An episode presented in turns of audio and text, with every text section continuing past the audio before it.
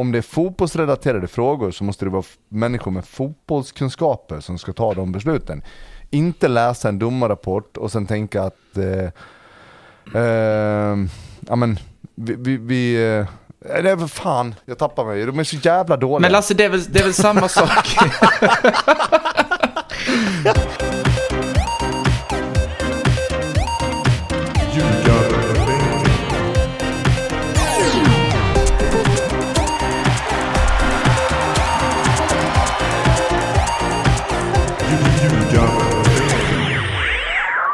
Ljugarbänken i samarbete med Betsson är här. Det är andra gången på samma vecka. Det var dubbla eh, omgångar nu. Tobias Hysén sitter och flinar åt mitt generiska Ljugarbänken-intro. Uh, fuck you. Men... Så jävla... Jag var lite glad för din skull igår. Det gick tillbaka direkt. Det gick över Känner jag. Heja, heja BP! Eh, men eh, vi ska börja hos eh, Lasse som är i Amsterdam. Stämmer. Fan vilken Eh. grej, vad gör du i Amsterdam? Jag är här och eh, lotsar ett byggföretag runt på gatorna. Eh, kallar mig Reisleiter.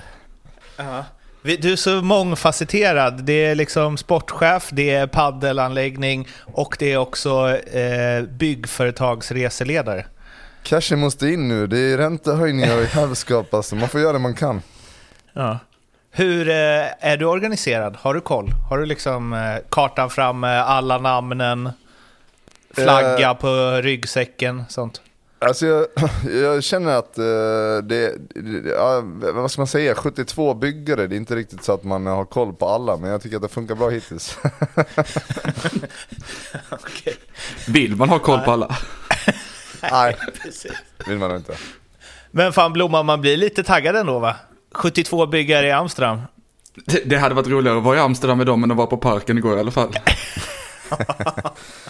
det är sant. Eh, ehm, det finns väl eh, en del försvar från den här eh, omgången i Allsvenskan som man också kan tänka sig vara i Amsterdam tätt in på matchstart. Vi kommer dit. Eh, men eh, vi börjar med eh, din bedrövelse, Blomman. Eh, där du var igår. Eh, parken, eller Platinum Cars Arena i Norrköping. Eh, 2-0 till eh, Peking mot Bayern, Totte Nyman gånger två och eh, Ja, Blomman. Du, eh, fan, det känns så elakt att bolla över till dig nu hela tiden, men det är ju bara för att det går dåligt för Bayern. Men eh, ja, du får ju vara med i, i med och motgång helt enkelt. Vad... Det är lite som eh, alla de här barnen som ska med in på, på planen. Alla spelare ska med sina kids. Jag tycker, ska man ha med kidsen in när det går bra, då ska man ha med dem in när det går dåligt också. Det är lite samma sak. 100%. Da- Alltså den, den supporten som typ höll på att tappa sitt barn när han klättrade in efter att Napoli tog eh, scudetton i Udinese igår. Och sen alltså, så här jätteglad flicka, typ fyra år, som skulle vara med på liksom alla bilder och i högarna. Man kände lite så här, är det, är det verkligen, är det helt hundra det här? Ja, men de har ju några, e- de har ju bara egna regler i Napoli, det går ju liksom inte att göra något åt. det får man säga.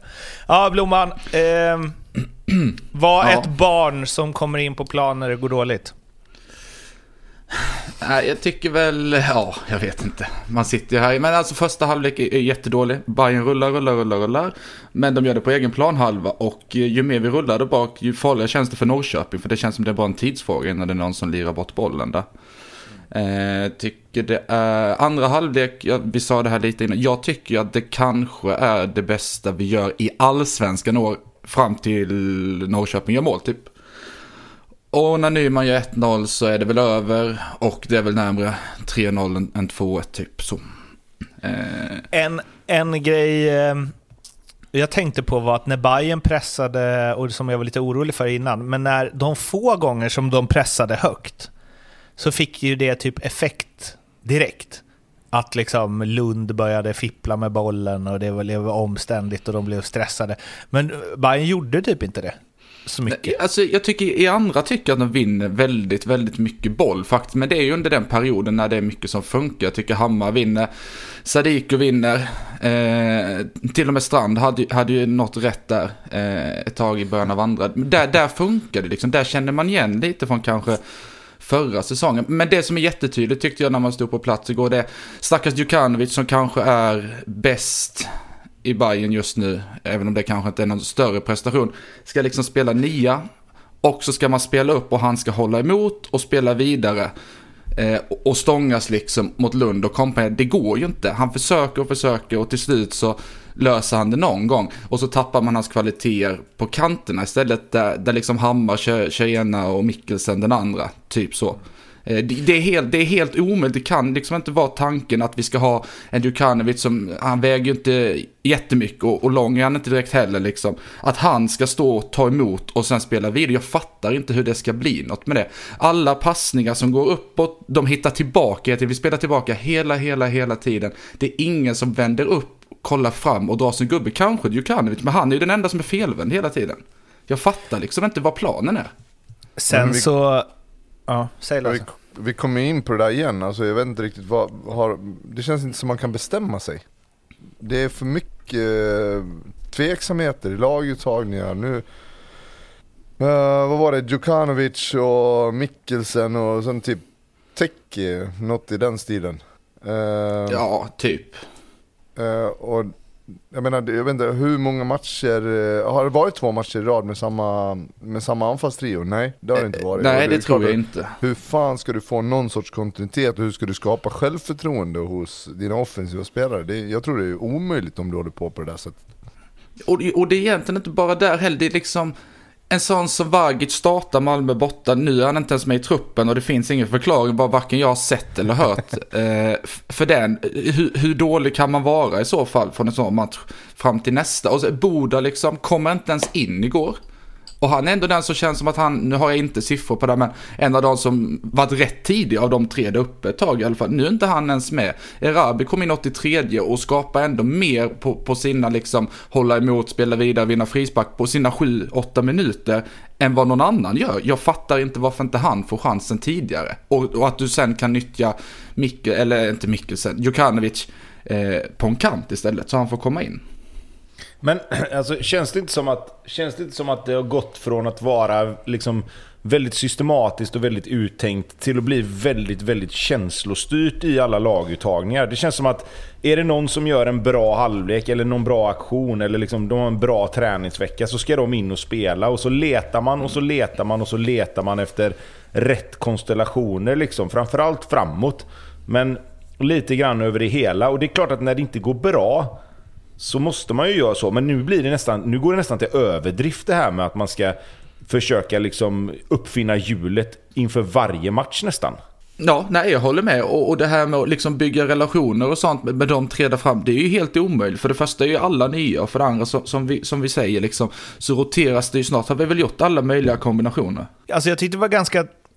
Eller båda de lagen känns rätt jämna och känns rätt... Eh, alltså överlag att så här, de är rätt lika i eh, toppar och dalar och så vidare. och eh, så. Eh, men om man flyttar...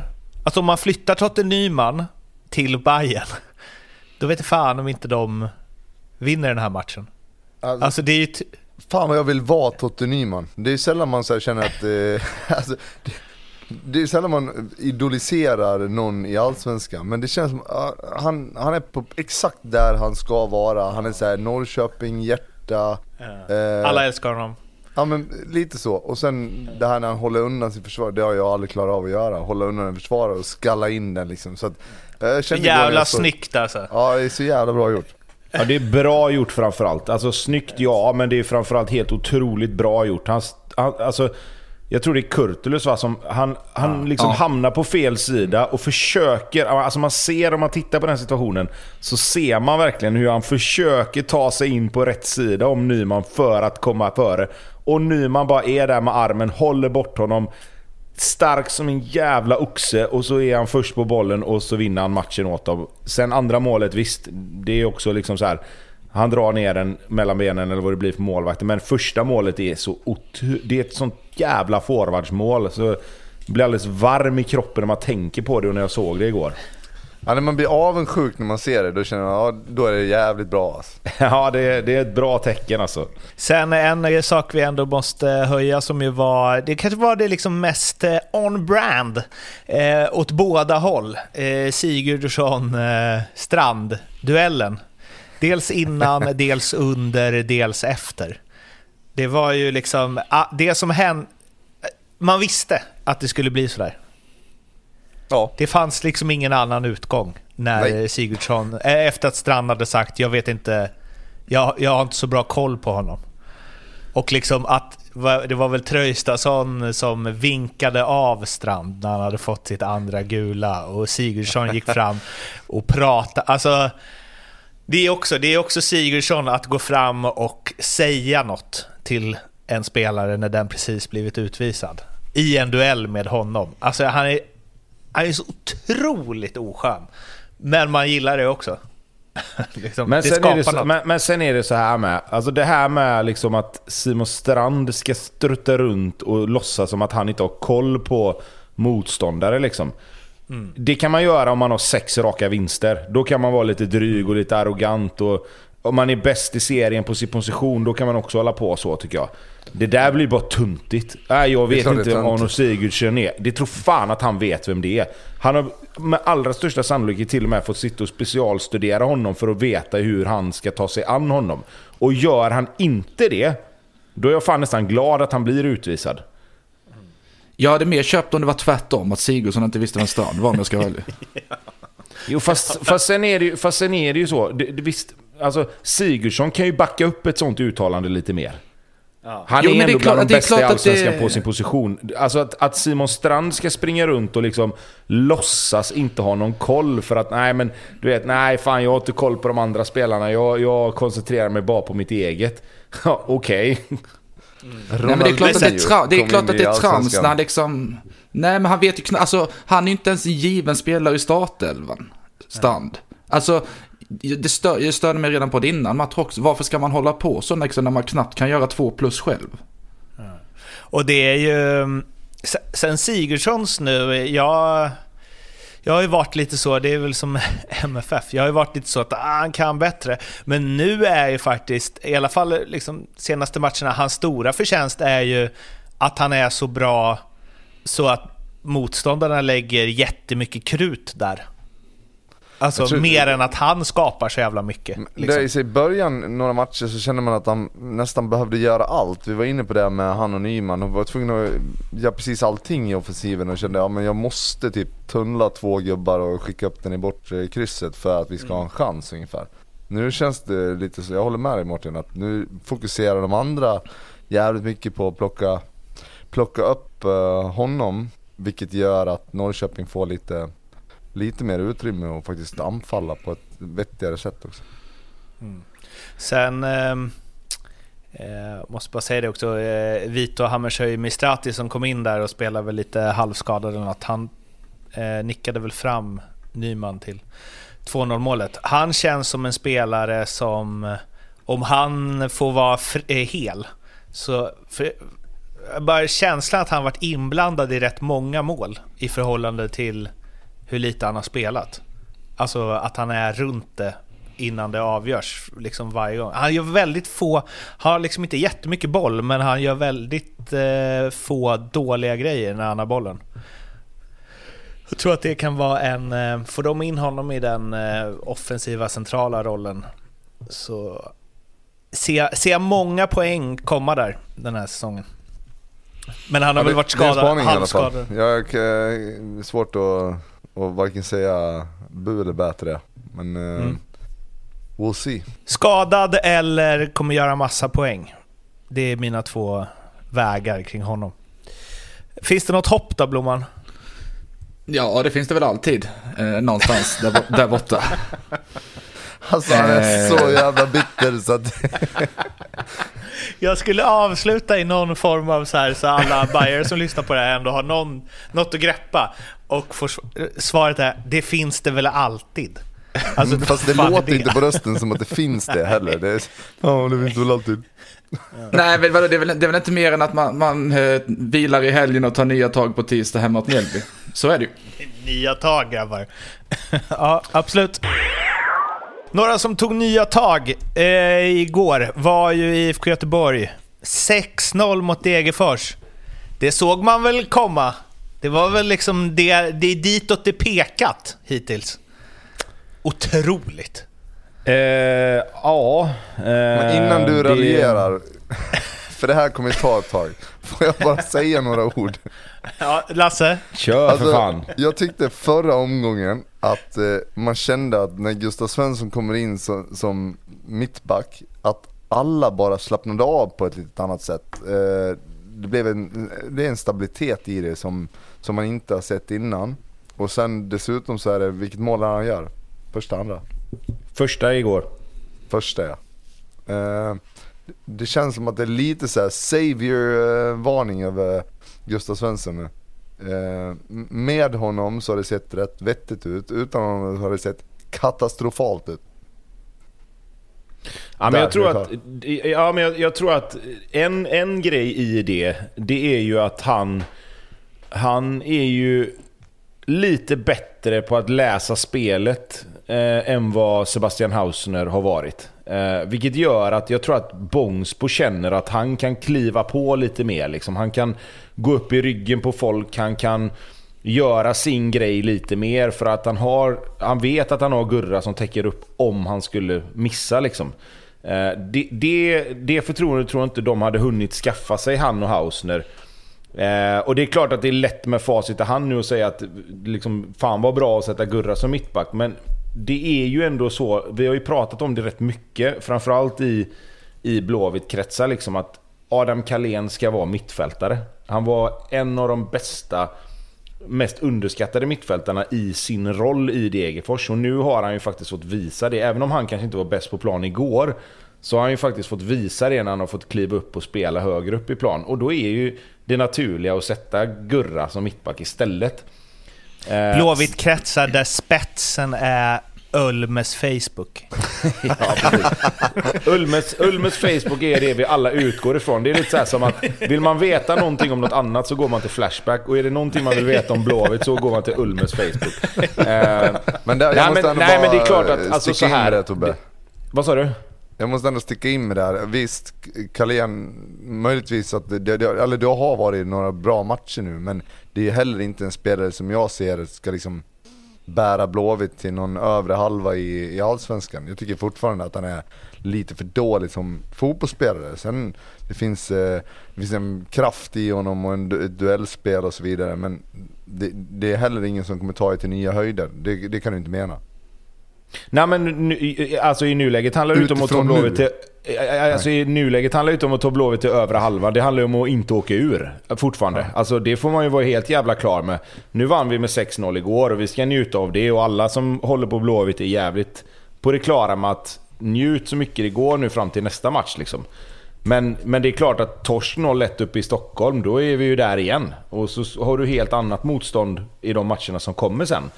Men det jag menar är bara att du måste börja någonstans och du måste börja med att vinna dina dueller. Du måste börja med att, att, att ta lite plats på plan.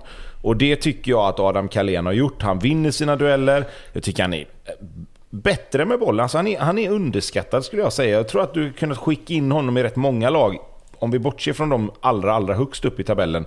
Och så hade han kunnat göra ett rätt bra jobb. Sen är det klart att det är inte han som ska gå ner och driva spelet och det är inte han som ska liksom slå de här avgörande passningarna. Men du måste ha en sån spelare på planen. Om du ska spela med tre mittfältare så tycker jag att det finns plats för en sån spelartyp som Adam Kalén. Sen måste du ha Elias Hagen i den formen han var igår, där han hittar de här ytorna, där han slår de här passningarna, han kommer in i straffområdet och följer med.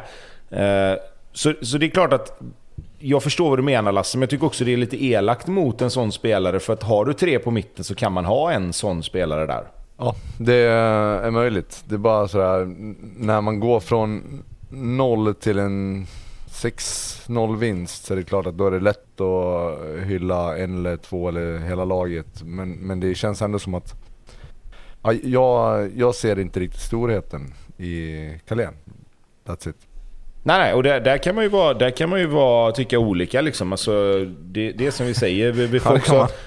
Nej men vi får också, vi får också liksom lite så här att hade, hade Blåvitt legat 3-4 i tabellen och, och helt plötsligt skulle gå från det upp till att vinna SM-guld så kanske inte Adam Carlén hade varit en spelare som, som man hade tittat på i, i det läget. Men vi är heller inte där nu. Eh, och sen så, så, så hävdar jag fortfarande att han, att han är underskattad. Jag tycker folk liksom ser det de vill se lite med honom. Jag tycker han har en rätt bra touch, han skyddar bollen bra.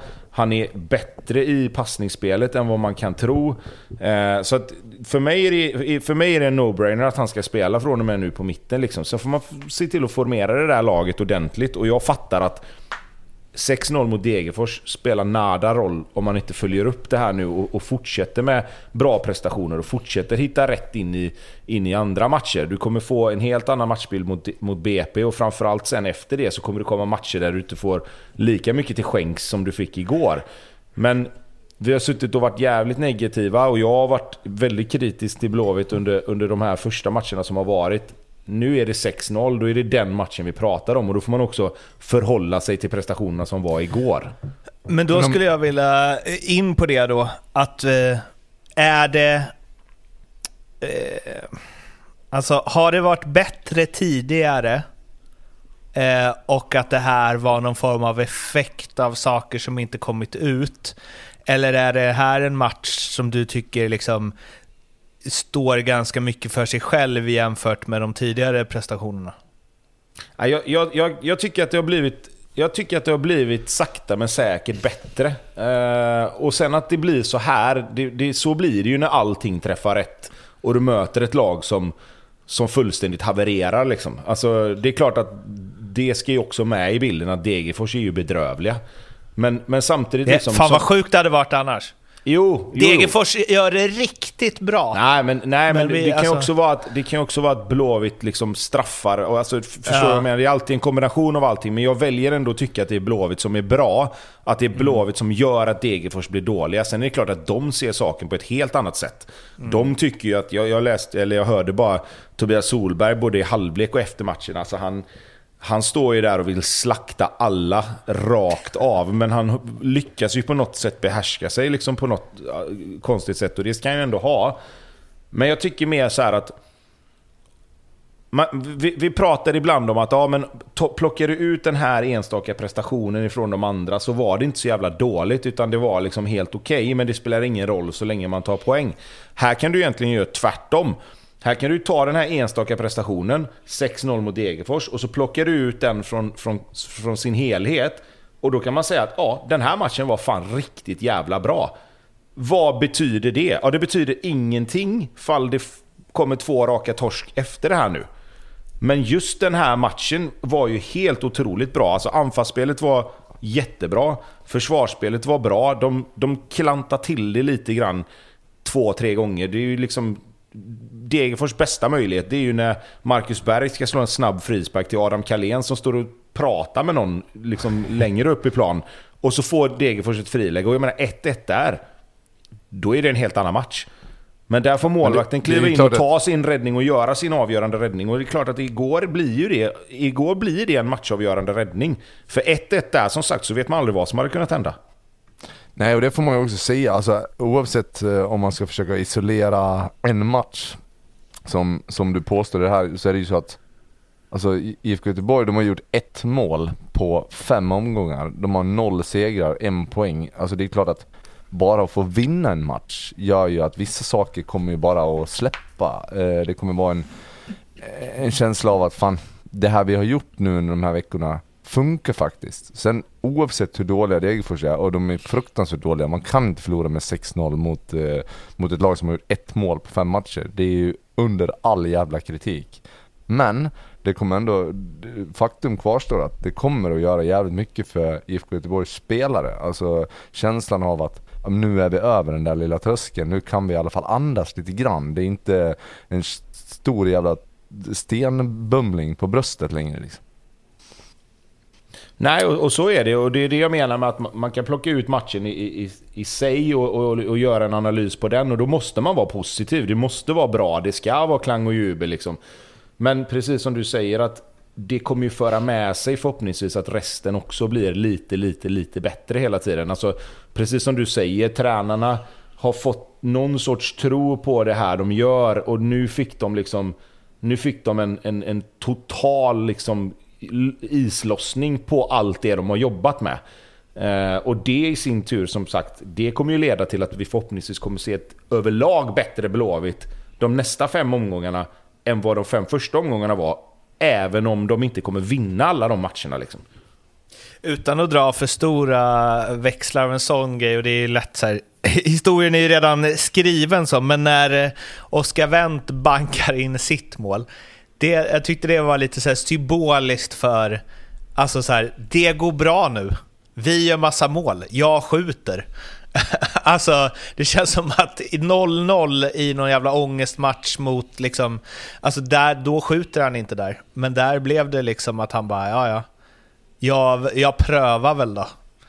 Alltså det ja, blir väldigt... Hade det varit någon annan spelare så hade jag kunnat köpa det resonemanget. Men med Oskar så tror jag bara, han är, han är så trygg i sig själv och han... Han liksom, han, jag tror inte han bryr sig jättemycket om allt sånt där. Liksom. Han har varit med alldeles för länge. Så jag tror att den bollen som kommer studsande där och han känner här finns ett läge att dra till. Då gör han det även om det står 0-0 eller 0-1. Men däremot Men så, här, så, är det så här, bollen sitter. går ju in för att det står ja. 5-0. ja, exakt. Ja, ja. Det är ju det som är grejen. Alltså, allting flöt ju på. Alltså, du, du fick ju en match där liksom... Alltså, hade det blivit 1-0 igår så hade det fortfarande varit så här, åh fan, ja det är jobbigt och liksom... Nu är det ju plötsligt folk som liksom bara, ja men fasken nu tar vi BP och bara farten liksom. Och det är ju det som är livsfarligt. Alltså de ska ju... Ja. Ja, men de det är också lite kvalitet i, i det som sker. Alltså ta Marcus Berg, vad är det andra målet han gör när... Fy fan. Ja, det är också ja, det är ett som ruggigt bra forwardsmål. Ja, lite ja. liknande. Men också att eh, Salomonsson sätter den på den ytan. Att han litar på att han ska träffa den ytan, att de har lite synk i saker och ting. För det har ju inte... Alltså, det har ju nästan känts som att eh, Marcus Berg bara, ah, det är ingen idé. Jag behöver inte ens ta någon löpningar, bollen kommer aldrig komma in. Ungefär så har det varit i offensiven. Eh, nu men, hittar de ju verkligen lite synk i det där. Men Salomonsson, ja. det var ju inte bara det. Han hade ju massa bra inspel alltså. Definitivt. Ja, ja, men han har en bra Klass, fot. Alltså. alltså. det handlar ju om självförtroende där med. Liksom. Alltså, det handlar om att sätta lite passningar tidigt i en match och få, få känslan att fan idag sitter ändå, idag sitter det lite. Eh, men på tal om synk så är ju liksom, då är ju, då är ju femte målet också ett jättebra exempel på när det synkar ihop. För jag menar, Oskar har bollen. Man, utan att se i tv-bilderna vad som händer så ligger ju Norlin brett. Och precis när ytterbacken ska ut och gå på honom så sticker han ju in bakom och Oskar ser det. Smäller in bollen på insidan av backen. Norlin kliver. Det kommer löp överallt in i straffområdet och Norlin plockar ut Elias Hagen i den snett inåt Eh, ytan liksom. Och bra första touch, avslut. Det, det är ju sådana grejer du kan göra när du får lite självförtroende. Och det är det jag menar att det är det jag hoppas åker med här nu. Liksom att fan våga, våga göra lite saker, våga ta lite löp, våga följa med in i straffområdet. Alltså, Blåvitt har tre, fyra man in i straffområdet i mer eller mindre varje anfall i, igår. Och det är klart att då blir det, då blir det lite att hålla reda på. Sen har de lite med, medstuds. Jag menar, göra 1-0 på en hörna. Det, jag ska inte kalla det gratismål, för det är det inte. Men det blir ju lite så här, fasta situationer och göra mål på dem. Då behöver du inte jobba så jävla hårt. Det är ett tillslag och sen en... Alltså ett avslut och så kan det vara mål. Andra målet... Vad sa du? Gustav ja, Svensson. Ja, ja, men precis. Nej, men sen andra målet är ju likadant. Alltså, du, du kommer du ner i en yta som du normalt sett vill vara i, men det blir ju ingenting av det inspelet från Elias Hagen. Ja, men givetvis så studsar den fram till Sebastian Olsson som skjuter. Det är ganska... ett jävla pissmål. Ja, alltså. men det är ju ett sånt mål du får när du ligger etta i serien. Ja. Eller när du Nej. har en match där allting helt plötsligt bara faller på plats liksom. Jag måste tillbaks till eh, Wendts eh, mål där, för det jag också ville tillägga är det. Hans firande var väldigt någon som inte gör mål så ofta. Han liksom ut på väg mot kortsidan så bara, nej förresten, jag drar ut mot långsidan. Och det var väldigt ostruck... Eh, jag tänkte så här, nu tar han väl chansen här. Glider ner på knä direkt. Men det var som att han bara, oh, jag vet inte. Bra tecken kanske. Han är, han är inte nu tar vi BP av bara farten. Utan han var så här, det är ett mål, 6-0, nu fokus nästa match. Mm. Ja, kanske. Absolut. Du, v- hur, hur firar ni eh, mål? Var det den coola looken, liksom att så här, ett mål i mängden? Eller var det liksom beta av olika målgester? Eller var det tecken till någon på läktaren? Eller vad, hur? En stor mix av glädje. alltihopa tror jag. Ja, Beroende på jag man kan- var i. Ja, lite så. Enda gången jag liksom haft en förplanerad målgest egentligen, det, det låter ju helt sjukt för det var ju den enda matchen man kanske tänkte att man inte skulle göra mål. Men det var, det var när vi mötte Juventus borta med Djurgården, för då samma dag så fyllde min lilla syra 10 år. Så då blev det så här, jag ska hålla upp 10 fingrar om jag på något jävla vänster lyckas göra mål här. Eh, Så det är faktiskt, det är enda gången det har liksom varit förplanerat på något sätt. Det är ju faktiskt... eh, Ja, det, är ju, eh, det tyder på en spelare i medgång med självförtroende som bara... Vad har vi ikväll? Ja, men Juve Juventus. Ja, exakt. Ja, ehm, men då, då tolkar jag det som att du tror inte att de faller igenom mot BP, att vi är tillbaka på gammalt spår där, utan nu är det nya tag. Nej, jag, jag säger så här, BP-matchen kommer bli skittuff för att BP är där de är också. Eh, tre raka nollor och, och liksom fått in en jävla energi i det laget. Så att det kommer bli en jättetuff match. Och av, av tradition lite grann så, så är det inte så jävla lätt att åka dit upp. Eh, däremot så tror jag inte att det kommer bli liksom så här att det, att det, att det ser ängsligt och lite rätt, rädda och lite så ut. Utan det kommer nog bli, det kommer nog bli en liksom match där, där man ser att Blåvitt ändå har fått det att lossna lite grann. Men därmed inte sagt att det är en garantivinst, för det tror jag absolut inte att det är. Blomman, sitter du och eh, drömmer dig bort till när det lossnar för ett lag det har gått dåligt för? Jag Eller tänker, ska vi inte bara, ska vi inte bara gå vidare? Alltså, jag, eh, de- Blåvitt är ju bara två poäng efter Bayern nu. De har hängt. Ja, det är otroligt. Det har blivit dags för speltips i samarbete med Räkat och Klart, som vi är väldigt eh, glada att vi har ett eh, samarbete med. Och det samarbetet ser ut som så att det är i form av Blomman. Ja, mindre lyckat samarbete med tanke på att det är 0 av 5 än så länge på, på oddsexperten. Så vi måste ju bara Ja. understryka hur jävla dåligt det här är alltså. Ja, Blomman, du har... Är det pressen som gör det, eller? Nej, men det är marginaler, tror jag. Ja. De små, eller? Det är som för jag Hammarby, det i, är marginaler. tyvärr. Nej, det är du som är spelexpert jämfört med oss andra ska ju inte behöva leva på marginalerna. Nej, men så är det. Det är eh, ett mellanår i, i spelvärlden, för Ja. min del. Ja, ja, vi gråter ju inte blod över det. Nej, men, men Tobbe, du, du kan väl börja om du är så, om du är så het på gröten? Nej, jag är inte så het på gröt. Jag tycker mer det är roligt att du är så kast. ja, men jag kan börja. Ehm, Jag har då att eh, BP, Blåvitt, båda lagen gör mål. Häcken vinner och Malmö vinner med handikapp 1,5. Mm. Betyder alltså att Malmö vinner med minst två mål. Precis. Och den går till, Till 7,80. 7,80. Precis. Den är bra igen Tobbe, jag gillar den. Ja, rygga bara. Lasse? Eh, ja, jag har svårt att komma över m- min torsk, får man väl kalla det. Sist, det kändes som att den var hemma. Jag träffade de två svåra och sen ska Rajovic tappa bollen på mitt plan. Men vi får gå vidare med livet. Ehm, och jag har över 2,5 mål BP Göteborg. Under 2,5 mål Djurgården, Kalmar och Malmö, Malmö vinner sin match. 6,25. Mm. Ja, och sjätte försöket då från mig blir eh, över 2,5 mål i Malmö AIK. Och jag tror att det blir över 2,5 mål i Sirius Elfsborg till eh, 3,50 gånger pengarna. Nu går vi riktigt lågt. Man, man märker att det. oddsen går bara neråt och ner. Jag måste bara lägre och lägre. kommer sluta med att han har 1,75 i odds på en singel typ. Med tanke på att det här, det här segmentet är i samarbete med min arbetsgivare så vill jag understryka att det finns eh, andra oddsexperter än mig på sidan som man kan läsa tips av. Så man behöver, det finns mer än mig. Fan kom igen nu Blomman, fan ha lite självförtroende. Det kommer sluta med typ Häcken vinner hemma mot BP. Etta. Ja. Fan, då- det kan, Ja, vi, vi kanske inte är långt från att det finns andra odds- oddsexperter från Rekat och Klart som är med i, kan vara med i ljugarbänken till och med.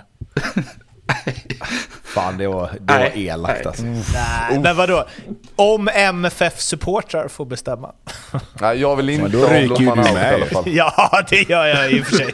Jag rycker nog först. Det finns andra programledare där ute. Bara ta någon. Eh, ni eh, hittar de här spelen i alla fall under specialspel, godbitar, ljugarbänken hos Betsson. Kom ihåg att spela ansvarsfullt, du måste vara minst 18 år för att spela. Och behöver du hjälp eller stöd finns stödlinjen.se. Eh, vi går till eh, Varberg-Malmö eh, då. Eh, Jocke Persson sa vi var med i en minut. Eh, och det var väl en ganska bra sammanfattning av den. Jag har ju haft lite Twitter-groll med MFF-supportrar som tyckte att jag är så... Eh, hacka ner på MFF. Eh, de valde väl att fokusera på att jag tyckte att Bayern hade en bättre offensiv det året som de slog allsvenskt målrekord.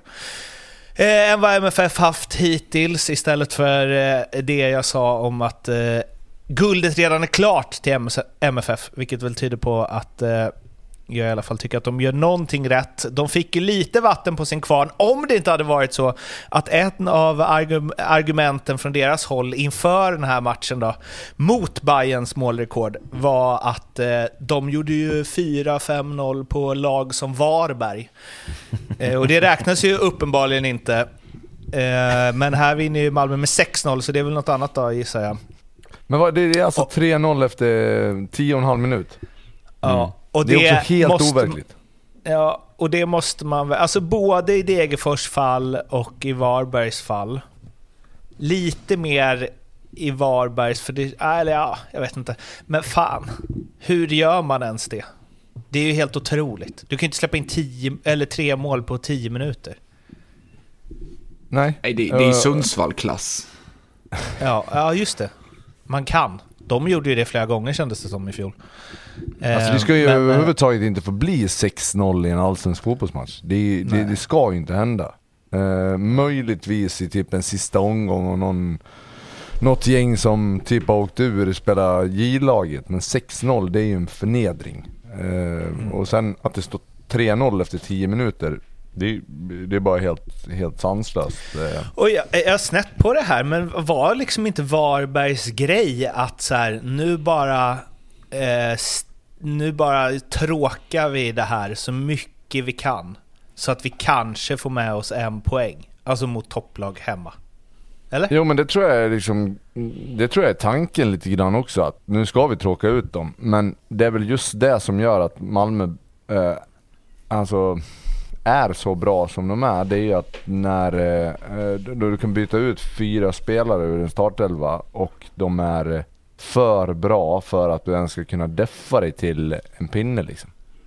Eh, de har för mycket individuell kvalitet. Eh, sen kan man säkert diskutera mycket av det Varberg gör första tio minuterna men det, i, i, alltså i, i grund och botten så handlar det om individuell kvalitet och det, det har ju Malmö överallt. Framförallt i, ja, i offensiven i sista tredjedelen. Jag läste en bra tweet av Jonas Hansson på Fotboll Skåne. Han skrev allsvenska lag verkar ha noll aning om hur de ska spela mot MFF. När IFK Norrköping testade att anfalla med många spelare så släppte de omedelbart in två mål. Vilket i och för sig var i slutskedet av matchen och de ville gå för det. Eh, men ändå. Hammarby la sig lågt och släppte in tre mål på en halvlek. Varberg pressade högt och släppte in tre mål på 11 minuter. Eh, och jag vet inte om jag... Men lägger, pressa inte högt Varberg. Eh, tänker jag. Eller så här, det är väl givet att de inte ska pressa högt mot MFF. Ja, eh, så här i efterhand kan man hålla med. Det var, låt oss säga att det var fel taktik från början. Eh, sen, eh, ja, jag vet inte. Det, det spelar ju knappt någon roll om du står högt eller lågt när, när de Malmö är så bra som de är nu. Eh, Men det är klart att hade Jocke, Jocke Persson fått spela om bandet så hade man kanske inte gått högt eh, första tio minuterna. Och nu, eh, nu har ju... Nu, nu sa vi att man ska inte torska med, alltså man ska inte kunna torska med 6-0 i Allsvenskan, även om, ja som sagt, Sundsvall var väl ett bevis på det eh, i fjol. Men eh, det som, eh, när jag har gått på Malmö, du har ju alltid försvarat dem eh, Tobbe, men det är nog det här jag har, inte förväntat mig, men tänkt att det ska bli lite oftare. Att Malmö bara är helt jävla överlägsna. Och bara, alltså inte tre mål på tio minuter, men tre mål först. Alltså så här, att det här ska hända mer kontinuerligt om man ser på hur Malmös trupp har varit de senaste åren.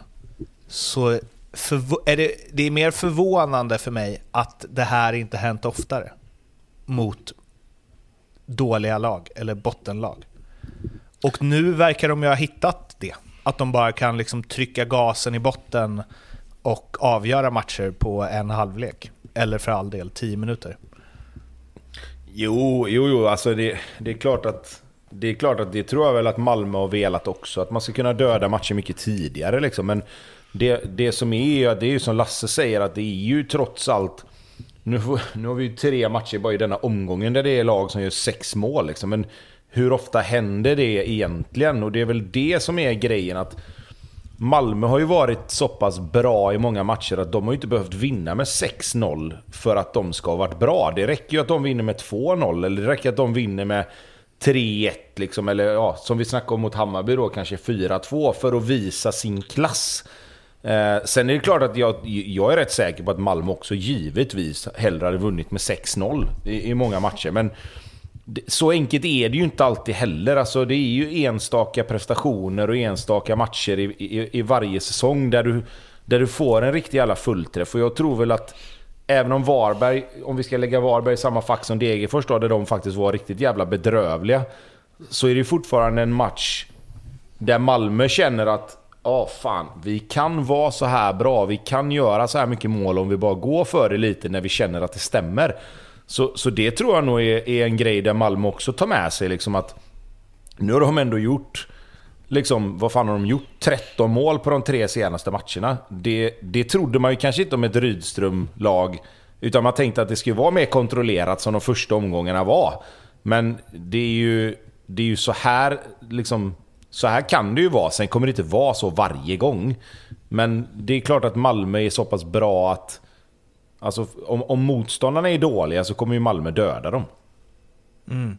Men det, det är det som är så jävla klass med Malmö. Och det tycker jag de... Det skiljer sig lite alltså från förra året. Det är ju ingen spaning direkt att det, det ser bättre ut nu. Men de har dels att de har så många de kan rotera på som är mönsterbrytare eller vad man ska säga. Eh, och också att de spelarna, liksom Tali, Nanasi, Vecchia, att det är sådana spelare som Mm, förutom att... Alltså tänk att de kanske inte är spelare som driver ett lag och drar ett lag. Men, man kan, men det ska mycket till för att alla de ska vara ur form samtidigt. Och alla de är individuellt så pass bra att de kan liksom bytas in och ändra en matchbild eller liksom skapa någonting ur inget. Men när de är bra och när de får flyt så tror jag att Malmö kan nå ännu högre höjder än vad de gjort de senaste åren. För att då blir de så himla bra. Alltså om Nanasi får flyt, det känns som att han kan, känns som att han kan göra 30 poäng i år. Men vi var inne på det här lite där eh, efter, jag tror det var BP-matchen. Alltså det är ju det som är skillnaden ofta. Alltså det är klart att du kan ha struktur, du satt upp en spelplan, du, alla gör exakt det de är tillsagda. Men i slutändan så handlar det om individuell kvalitet. Mot, det räcker ju med att en av de här tre har en bättre dag där framme. Då är det ju kört, för att de är så pass mycket bättre än vad alla andra är. Ehm, om ni förstår vad jag är på väg. Men det, det, det, det finns, alltså den bredden som finns och där, eh, där eh, man ska vara avgörande i ett straffområde och runt ett straffområde. Det, det har ju uppenbarligen Malmö.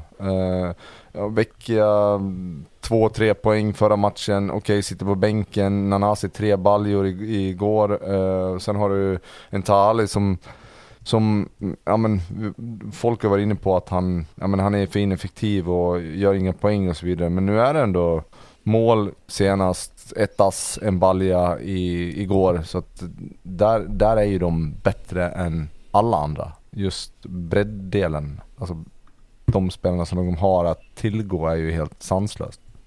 Och det är nog det som, ja men när jag sa att jag inte tyckte att de var liksom så bra som de borde och, och fick mothugg på det. Men liksom Penja, Christiansen och Hugo Larsson, alltså de har ju varit grymma. Liksom, tryggheten och det centrala och liksom stabiliteten, den har ju funnits där. Men jag hade nog tänkt mer om Nanasi, Vecchia, Tali, alltså de spelarna hade jag lite mer än vad jag tycker att man har sett fram tills ja, förra matchen och den här.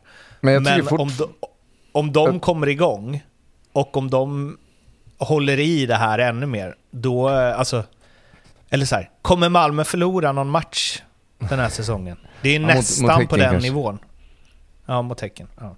Men alltså nu, att säga att Nanas inte är igång och att Taal inte är igång, det, det går ju inte nu. Uh, men nu är Rex nej, nej. mål igår och sen tycker jag fortfarande att det finns mer att kräva av Vecchia. Jag tycker inte att han är så involverad i spelet. Nu, nu var det ju i och för sig inte någon start på honom igår, men, men det, det är helt säkert så att han spelade inte en minut igår. Det säger ju en del också. Men det finns mer att hämta i Malmö, helt säkert. Så är det. Mjällby, AIK, AIKs eh, bästa match eh, hittills. Eh, utan snack. Eh, derbyt inräknat. Eh, men de eh, mass missar eh, massor. Ja, alltså det, det, är verkligen så. AIK gör sin bästa match, eh, ja, möjligtvis derbyt. Eh, men jag tycker att de, de ser ut som AIK på ett helt annat sätt i den här matchen. Eh, det man förväntar sig. Sen är det ju återigen, det handlar om individuell kvalitet i, i, i båda straffområden. Och tyvärr så, eh, Guidetti är inte där han ska vara. Eh, och sen får man ändå ge det till AIK också, att det är, känns som att de har lite oflytt. Alltså det är Farajs eh, jättevändning och ett bra avslut, en superräddning. Men har du lite flyt så är det ju stolpe in istället för stolpe ut. Liksom. Och de är inte där nu. Nej, sen, sen är det väl också så här att, och, och, det är väl det som är det stora problemet för AIK, att det har vi pratat om, och massa lag som går dåligt, att AIK är ju inget lag och ingen klubb som ska behöva liksom förlita sig på marginaler. Alltså att de ska ha marginalerna med sig hit eller dit. Utan de ska ju vara så pass bra att de ska vinna en, en, en sån här match. Nu är Mjällby borta kanske inte en match där du bara åker och hämtar tre poäng. Men jag menar mer allmänt att vi pratar mycket om liksom den individuella kvaliteten. Alltså den individuella kvaliteten finns ju där. Alltså ger du John Guidetti det nickläget han får så sätter han ju 99 av 100 15, 16 av 20 sätter han ju där. Okay. Men, men när det är nu som det är, då, då, får du liksom... Då får du inte riktigt den träffen på bollen. Du vill styra den in i borta för du vill få bort den från målvakten. En John Guidetti i form, han tänker ju bara den här bollen ska jag bara ha på mål för jag är så nära så det spelar ingen roll vad målvakten gör. Eh, och det är ju det som, det är där du hamnar som forward när du har det lite tungt, när du inte riktigt har tajmingen när du inte riktigt kommer rätt in i situationer hela tiden. Eh, och det där kommer ju, det där kommer ju att lossna. För att, alltså, det är ju som man alltid säger, den gamla sletna klyschan, liksom att form är ju, per, eh, form är ju, är ju tillfälligt och klass är permanent. Och John Guidetti är ju inte en sämre fotbollsspelare för att han har haft det tungt i 5-6 omgångar här nu. Det kommer ju vända till slut. Ja, men det är ju också så att alltså, när det går som tyngst, när det är som jobbigast, då, då, då är det ju upp till sådana spelare som John Guidetti och faktiskt ta det ansvaret och kliva fram. Alltså, där, ja, alla gillar John Guidetti, jag gör det också. Men nu får du faktiskt börja leverera för att eh, AIK har inte råd och, och att du bränner de här chanserna. Så är det bara. Nej, nej, Men där vadå, har du helt Kan rätt. inte alla skador påverkat då? Han kanske inte... Alltså, han har ju fan knappt spelat liksom. Alltså... Eh, ja, det är klart att det finns, det finns ju alltid parametrar varför det går som det går. Men det, faktum kvarstår att du står fem meter från mållinjen Du, Jo, i den situationen absolut, men det är inte, jag menar bara att så här, är John Guidetti så bra? Är han fortfarande det? det var någon som Jag sa... tycker det är en jag läste berättigad på- fråga. Ja, men det var någon som, jag läste på Twitter Uh, att det var någon aik som har sagt att uh, han är Rosenberg-klass när han kom liksom. Och det är klart att det är han inte. Uh, och det kommer han nog aldrig att bli. Men däremot så är det ju en tillräckligt bra anfallare för Allsvenskan och för AIK för att han ska kunna göra jättemycket nytta och ta dem till betydligt högre höjder än vad de är nu. Men då är det lite upp till bevis nu liksom. Vad sa du Blomman? Nej, jag sa bara att jag tyckte det var en berättigad fråga. Eh, att alla, alla tar för givet att, att han kommer hem och, och man har liksom man har landslag i, i bakhuvudet och man har fortfarande så här, Feyenoord pratades det fortfarande om emellan. Men han, vad har han gjort liksom? På sidan, vi pratade lite om det inför, jag tror, lagavsnittet. Han har inte spelat matcher. Nej, men, och det är väl en sak att sen börja spela matcher i Allsvenskan och eh, prestera. Men grejen är ju att han har ju varit skadad sedan han kom hem. Ja, det, men det är då on top. Och att det inte skulle påverka verk, är ju konstigt. Men jag tyckte man Eller såg lite klart. av det där i kuppen också. Jag tyckte de gick ju hyfsat i kuppen AIK och gör några riktigt bra matcher mot lite sämre motstånd ska tilläggas. Men han var inte så här klinisk som man hade, man hade hoppats på. Eh, så jag är inte riktigt förvånad att Guidetti är där han är nu, men eh, det som Tobbe är inne på, att det finns ju ändå någonstans en kvalitet i honom. Eh, och den måste han liksom plocka fram nu för att AIK är beroende av honom. Victor Fischer dock, tyckte jag såg... eh, Eller där känns det som att han Fischer kan börja komma igång alltså. Ja, verkligen. Jag tror att eh, hade man, hade man satt Victor Fischer i ett, alltså ett fungerande lag i Allsvenskan så hade han varit brutalt bra. Men nu är det, Mm. jag tycker man ser det på AIK också, trots att man har bollen, ja men 90% bollinnehav de sista 20 minuterna. Man vågar liksom inte flytta fram folk, det blir inte den här riktiga forceringen för 1-0 målet för att man är livrädd för att det ska bli 0-1 istället. Liksom. Det, det, det finns inte det där... Jag tycker man ser det så jävla tydligt på ett lag när man, men nu släpper vi loss. Nu, vi ser till att få in fyra, fem gubbar i straffområdet varje gång. Eh, det är fortfarande så att AIK står, trots att de har bollen och har tryckt ner Mjällby, så är det rätt få spelare inne i straffområdet. Sen lyckas Omar Faraj på, på liksom eh, ren kvalitet ska skapa ett friläge ändå, som inte blir mål på, ska tilläggas, men, men ut, ja, utöver det så är det ju inte så mycket. Man tycker att de borde skrapa fram mer, men det, det känns som det är en ängsla, äng- att de är ängsliga, att de är inte liksom redo att faktiskt släppa på tyglarna lite grann. Kör för fan. Ni har bollen hela tiden, var inte så jävla rädda. Ja men det kommer ju med, det pratade vi om sist ju. Det kommer ju med att de inte riktigt är säkra på att om vi släpper fram folk så gör vi mål. För de har haft jävla problem med att göra mål och då blir det ju precis som vi snackade om härom, härom sistens liksom att då blir det att försvarare och, och allting sånt och mittfältare, de, de, det blir hängsle och livrem för att vi måste hålla nollan för att få en poäng. Eh, hade, hade AIK haft spelare i form framåt eh, så hade de ju kunnat släppa på det lite grann. För de vet att okej, men släpper vi fram 5-6 gubbar här så kommer vi göra mål. Men så har det ju inte varit och det tror jag sätter sig i huvudet på de som då ska vara balansen eller vad man säger. Att vi måste, vi måste vara kvar med lite mer folk än vad vi normalt sett brukar vara. För att vi gör inte mål på våra chanser. Och Gör vi inte det och vi har flyttat fram för mycket folk, precis som du säger Lasse, så kommer vi bli straffade åt andra hållet. Men man vill ju se de här wingbacksen fylla på och vara på bortre stolpen och vara där och liksom när inläggen kommer. Men det är rätt sällan som de har fler än två eller kanske tre personer i straffområdet trots att man har tryckt ett lag tillbaka. Och det är, jag tycker det är ett tydligt tecken på det du är inne på Tobbe, att man, man vågar inte riktigt. Häcken-Djurgården med en eh, eh, otrolig överkörning av Häcken ändå. Mot vad jag tänker att, nu kanske inte Djurgården är det längre då, men vad jag tänker att Djurgården har varit de senaste säsongerna. Eh, att de blir liksom, och med en 1-0-ledning med sig in i andra halvlek, blir totalt överkörda. Visst, de släpper in två på hörna och så. Eh, och det kanske man borde kunna städa bort på ett bättre sätt. Men vad fan, det känns som att... Eh, fyra, fyra baljor i andra halvlek var ganska speglande för eh, hur matchen såg ut då. Fast jag skulle säga att andra halvlek är en rejäl överkörning. Jag tycker inte riktigt det är det i första halvlek. Uh, häcken är... Nej, nej, nej. Häcken är liksom är lite, lite bättre i första halvlek också tycker jag. Men där har Djurgården ändå kontroll. Men jag, jag tror, och det här...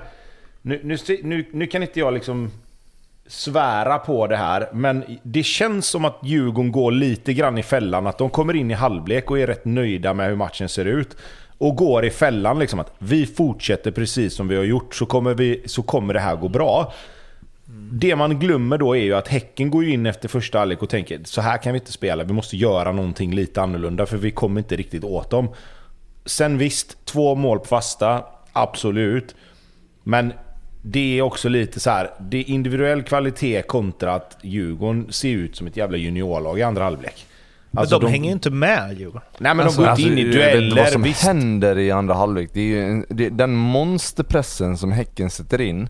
Det är verkligen som att de har fått eh, blåslampa och det är, jag vet inte, Högmo pratade om det i halvtid, att men vi ska bara upp 15% så får vi se hur många mål vi gör. Och men de, de ökar ju med, med 50%. Det är bara total överkörning. Sen tycker det var ju för övrigt en jävla nice grej att han spesade liksom 15%. Alltså, det är sällan... Alltså antingen säger man eh, att man bara måste upp, vi måste bli bättre. Eller så känns det känns inte som att det är 15% är go-to-procenten. För att... Eh, när man ska verka smartare än man är. Alltså Han vi kommer vinna. 10% var för lite. ja, exakt. Men, Undrar om han sa det i omklädningsrummet. Grabbar, alltså det ser helt okej ut men vi måste upp 15%. Han hade ni... frågat om uh, hur många mål tror ni att ni kan göra i andra halvlek? Sen fick man inte höra vad de hade svarat men... Hade han det... frågat det? Ja. Det är ju skönt ledarskap på något vis. Hur många mål tror ni att ni kan göra? Och sen bara, ja vi kan göra fyra, ja men gör det då typ. men eh, sen tycker jag att Häcken, alltså återigen så tycker jag Djurgården kommer undan lite grann i första halvlek. För att det, det omställningsspel som Häcken vanligtvis är så suveräna på. De tar ju jättedåliga beslut i omställningsspelet i första halvlek. Och det hade lika gärna kunnat stå 2-1 till, till Häcken i halvtid. Även om Djurgården återigen gör en relativt bra prestation, ja i alla fall i första halvlek. Men men det, det, det, är en helt annan spets i Häcken. Det, det händer någonting hela tiden. Det känns som att det är farligt varje gång de har bollen, typ. Uh, ja, men, sen också, men sen också, inte bara att de tar dåliga beslut i omställningar, det är ju rätt dålig kvalitet på, på den, om man säger den avgörande passningen som ska skapa överläget. Liksom. De har några gånger när de kommer tre mot tre, där passningen till en spelare i fart hamnar lite bakom. De väljer att gå åt fel håll. Så att liksom, inte, inte bara själva besluten utan även det tekniska utförandet var inte tillräckligt ja, bra i första halvlek. Nej, och sen man kan hylla, eller vi har hyllat och ska med all rätt hylla Traoré, men mm, alltså den omställningen när han gör bort sin gubbe på kanten, driver in bara, det är ett fruktansvärt dåligt beslut och sen också en fruktansvärt dålig passning ut. Där är de tre mot två. Där gör Häcken mål nio gånger av tio. Men det är ju för att han, hans utförande är för dåligt och, och beslutsfattning. Uddenäs har en jättefin löpning centralt, men sätt den på hans vänsterfot så är det ett friläge. Liksom. Kommer det någon passning ut på vänsterkanten, eh, vem det nu är som kommer där, Oden Larsen tror jag, som skjuter till slut. Men där, just den där, eh, den där spetsen kanske inte var där riktigt i första halvlek. Och därför tycker jag att Djurgården kom undan. Men det visar sig också i andra att de hade några växlar till att lägga in Häcken. Sen, och nu vill jag liksom med... Det här är ingen kritik mot Malmö FF, vill jag bara säga. Men eftersom det är det enda laget som Twitter, är... Eh, men jag orkar inte. Eh, men... Eh, men det är det enda laget som har någon form av Häckenklass i år. Och jag orkar inte tänka igenom vad liksom AIK, Hammarby, Djurgården när de varit uppe på slag, toppen och så. Men är det inte otroligt av Häcken, liksom spelarna som de plockar in och får fram. Alltså det är ingen som är förvånad över att Nanasi är bra, eller att Vecchia ska vara bra, eller alltså så här, spelare som alla ser, men i Häcken känns det som att de bara värvar spelare man aldrig hört talas om. Alltså det är klart att sportchefer i Allsvenskan har hört talas om dem. Men liksom med Rygaard här och de plockar liksom Traoré och det är Sadik och det är Olden och det är Hovland och liksom alla Eh, den enda som liksom inte har gjort det är ju Kamara och han var väl den mest meriterade av alla, som alla kände så här, oh han ska eh, sätta avtryck här. Men annars är de, de är otroliga på det. Men den har gått känns- lite under radarn va? Alltså nu vet inte jag om han har varit skadad och liksom inte kunnat vara tillgänglig i alla matcher. Men att Man han har gjort så honom. lite avtryck, det tänkte man väl ändå inte eller?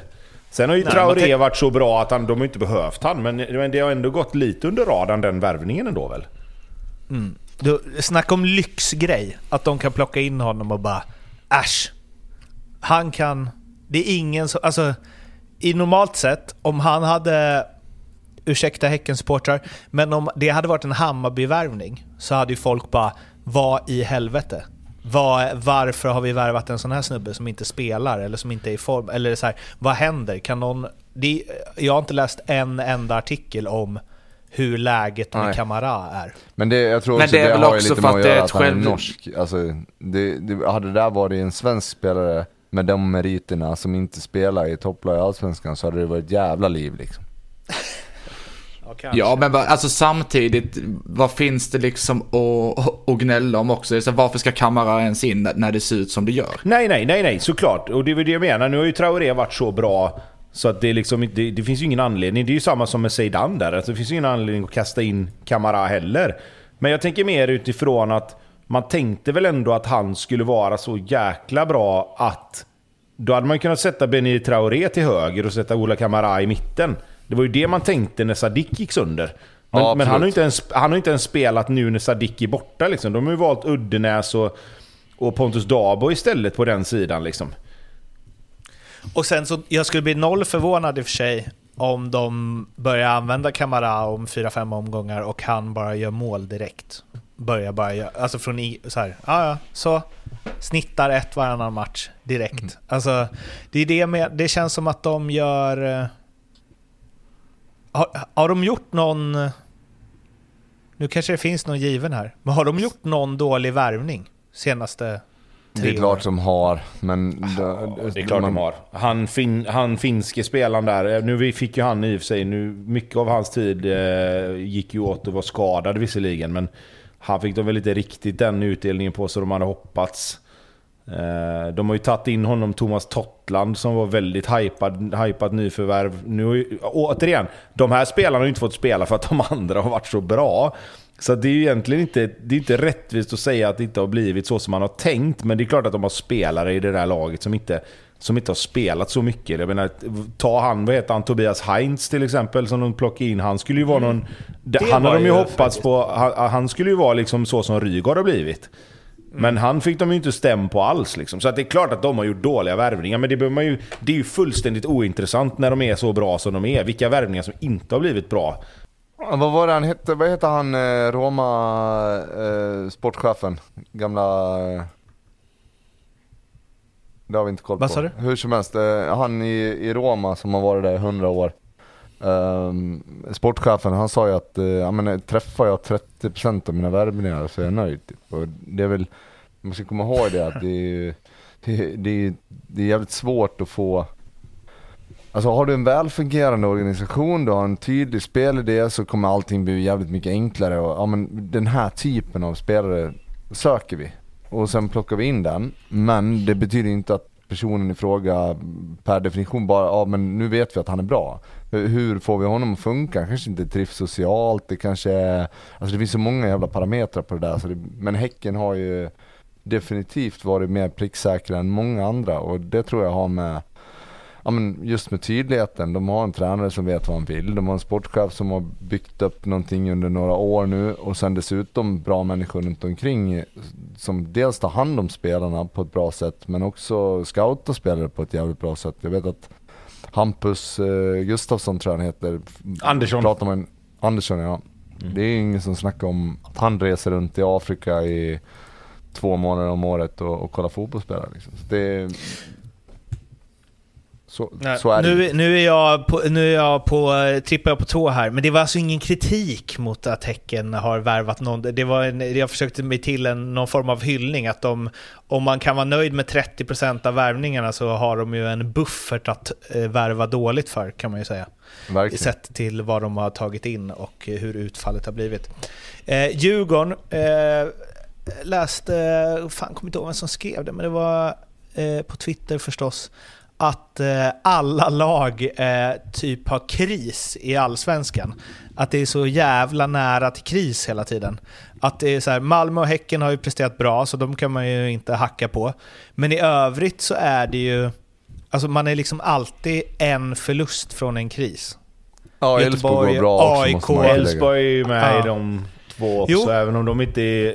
Alltså, de, de, Och Kalmar. De har ju varit bra ju. Jo Fast men kris Elfsborg och blir det ju Kalmar... inte i Borås på samma sätt som det blir i Nej, Stockholm. men det var det- Eller? Nej, exakt. Det var det jag skulle säga. Elfsborg och Kalmar, alltså den här säsongen.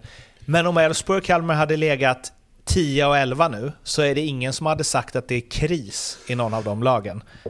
Alltså, noll ju. Nej, men Men hade, i hade Elfsborg Häcken legat sexa så är det ingen som har sagt att det var kris Nej, där nej, heller. exa- nej Alltså, exakt. Nej, men jag, man kan ta in Häcken i det med. Det är bara Malmö som har liksom undvikit krisen genom att vara väldigt bra. Men i övrigt så är det ju liksom... Det känns som att eh, vi hela tiden pratar om att det är kris i massa lag. Nej, men det är och alltså alla stor, lag är stor, inom tre poäng. storstadsklubbarna, storstadsklubbarna har ju varit dåliga. Alltså, om du tar bort Häcken och Malmö då som vi gjorde så har ju alla andra storstadsklubbar varit dåliga. Alltså den här stafettpinnen, vem har den nu egentligen? Ja, men nu de är har det väl- tre den, händer är den, den eller? går ju runt i Stockholm här nu, i alla fall de här två, tre dagarna fram till nästa Blåvitt hade ju sin egen, men, men nu vet jag fan om det inte är två, tre stycken i, Nej. i Stockholm också. Precis, de, Blåvitt skickar upp sin till Stockholm så de kan ha två stycken där och samsas om. I Ja, alla fall, men som ja. jag sa, i alla fall i två, tre dagar. Annars får man väl tillbaka den här i näsan sen. Jag vill bara tillägga det att eh, man pratar mycket om Häckens så här, frejdiga anfallsspel och de är jävligt roliga att kolla på. Men alltså ytterbackarna pratar man rätt lite om. De är så mycket bättre än vad alla andra eh, ytterbackar i, eh, i Sverige är. Och de, de får ett helt annat tryck. Eh, jag tycker, åh fan nu tappade jag namnet. Lund, eh, han gick från att vara typ ingenting till att vara allsvenskans överlägset bästa vänsterback. Vad hände där liksom? Och det, det är väl också en grej. Alltså hur utvecklar vi fotbollsspelare? Vi tar dem från att vara typ mediokra till att faktiskt vara bäst. Och, jag har ingen aning om hur fan de gör för att då hade väl alla gjort det. Men, eh, det, det, Men det är ju samma man på andra sidan jävligt- egentligen också. Han hade ju en, en uppstartsperiod där det inte gick så jävla bra. Nu hade han Nej. ju sig liksom andra spelare som kanske gick före ett tag. Men, men jag menar, han hoppade ju in och spelade några matcher när han kom. Och det såg ut som liksom, okej det här kommer ju aldrig bli något. Det, den här värvningen, han kommer ju vara backup på sin höjd liksom. Han har ju också tagit enorma kliv. Så Ja, men nu är det ju, det är ju alltså det är kraft och tyngd, det är snabbhet, han är smart i sitt spel. Det, det, det är en enorm utveckling på båda de två ytterbackarna. Ehm, Ja men absolut, absolut. Men jag tror det är också, det är också resultatet av ett fungerande system som, vi- som vi snackar om. Liksom att alla i Häcken vet exakt vad de ska göra, när de ska göra det. Ytterbackarna har tydliga roller, de har tydliga direktiv. De får spela efter sina liksom, bästa egenskaper på något sätt. Liksom. Det är ju samma sak med dem på mitten. Du, du plockar bort Simon Gustafsson och tänker oh, hur ska det här gå nu? Och så får du in en, en, en Amane Romeo liksom, som går in och gör det nästan lika bra. Inte på samma sätt, för han är en annan spelare, men han, det ser ju inte ut... Det, de hade ju kunnat vinna SM-guld med det där mittfältet också. Och det ska ju egentligen inte gå när du plockar bort en sån spelare som Simon Gustafsson. Men det, det, är ju, det är ju resultatet och det är ju konsekvensen av att alla är så jävla inkörda i det och alla vet precis vad de ska göra.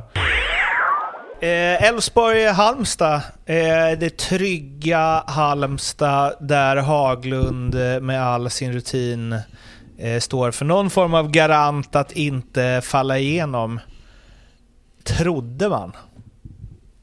ja, alltså vad Eh. fan hände?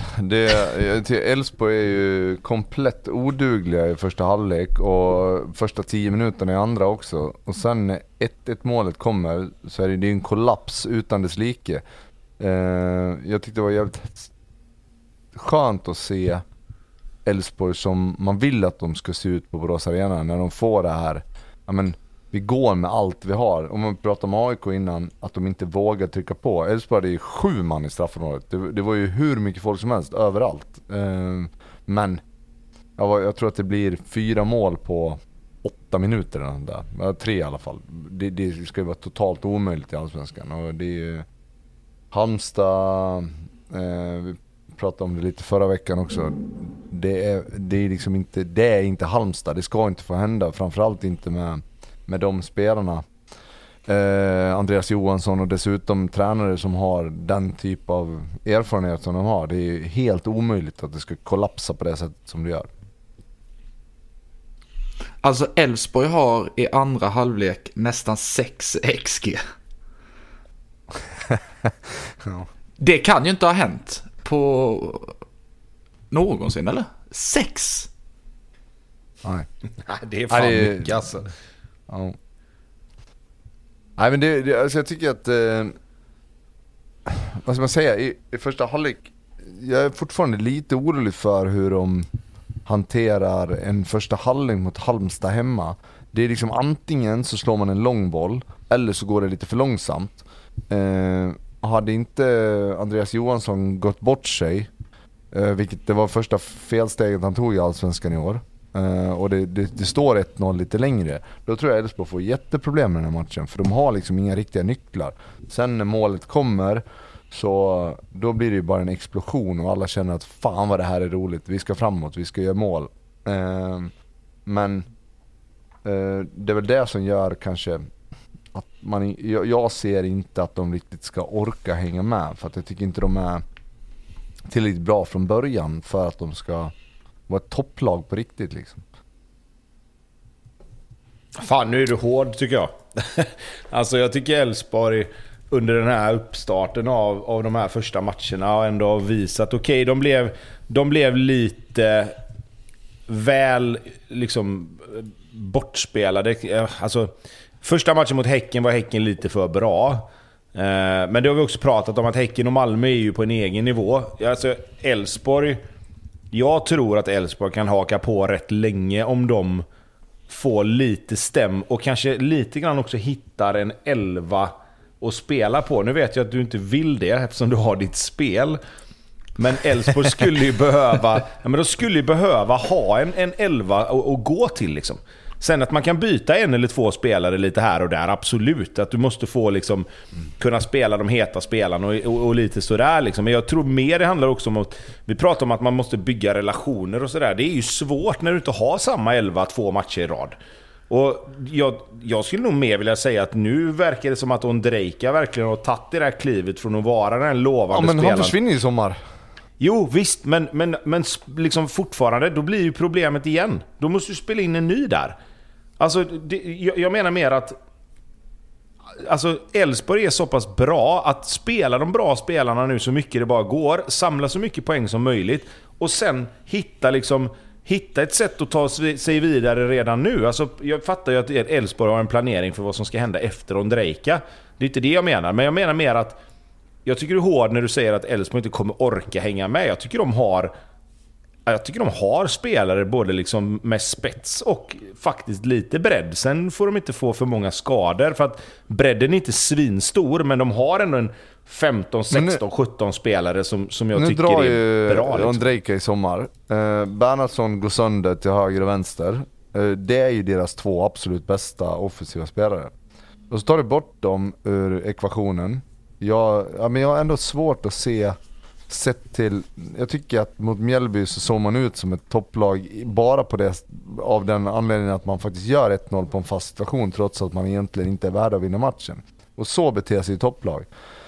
Sen eh, 6-1 mot Halmstad, det var ju eh, fantastiskt såklart. Men jag tror inte man får, man får inte sväva iväg där heller för att den kollapsen är ju total av Halmstad. Eh, och så ska man lägga till att Alexander Johansson har både innan 1-1 målet och innan 2-1 målet så har han superchanser att, att göra en balja. Men han är fortfarande mållös och det är ett problem för Halmstad att de inte riktigt får till både Mohammed och eh, Alexander Johansson mållösa. Och visst, eh, Granat gör mål och han är på plats hela tiden men de behöver ju någon mer som faktiskt är lite avgörande. Och i, i, I de situationerna där matchen står lite och väger och så får du två frilägen, dels innan 1-1 målet och dels innan 2-1 målet för Elfsborg. Det, det, är klart att mål förändrar matchbilder, bla bla bla, men jag tycker ändå att att eh, Elfsborg sett till de första 55 minuterna inte ser ut som ett topplag i Allsvenskan. Nej, och där, där vet ju du mer, för du ser ju Elfsborg mer än vad jag gör såklart. Jag tycker bara liksom att... Jag tycker Elfsborg har så pass mycket kvalitet och jag menar nu försvinner Ondrejka, ja visst absolut. Men jag menar... Jag är rätt övertygad om att Elfsborg kommer plocka in någonting där man känner att okej, okay, men fan det här är en spelare som kan ersätta Ondrejka, eller det här är en spelare som får ta Bernhardssons plats liksom, om han skulle fortsätta vara småskadad och, och gå, gå sönder fram och tillbaka. Alltså, jag säger inte att Elfsborg kommer vinna SM-guld. Det tror jag absolut inte att de gör. Men det är ju, det, jag tycker mer det är liksom så här, de kan hänga på och ligga där 3-4 hela säsongen. Det tror jag absolut att de kan göra. Ja, men jag, jag tycker att Elfsborg ser alltså, spän mer spännande ut än på många år. Eh, jag, inte, jag neggar inte på det sättet. Jag tycker att de har tagit kliv hela tiden. Men vi var inne på det, ja det var ju i lagavsnitten. Ska du hålla på att byta ut så många spelare hela tiden och framförallt bärande spelare och sen dessutom ha skador på de som ska vara också bärande. Då, jag har svårt att se hur man ska under en hel säsong orka stå emot liksom. Men, men alltså, du vet, nu har det varit enkelt. Det ska man ha med sig. Elfsborg har ju haft ett, ett, väldigt lätt spelschema förutom premiären mot, eh, mot Häcken. Men kan de skaffa sig en liten en budget här innan Ondrejka lämnar och lite så innan sommaruppehållet. Alltså, de är ju definitivt med i en Europaplatsdiskussion. Speciellt med tanke på hur det ser ut för resterande konkurrenter. Ja, verkligen.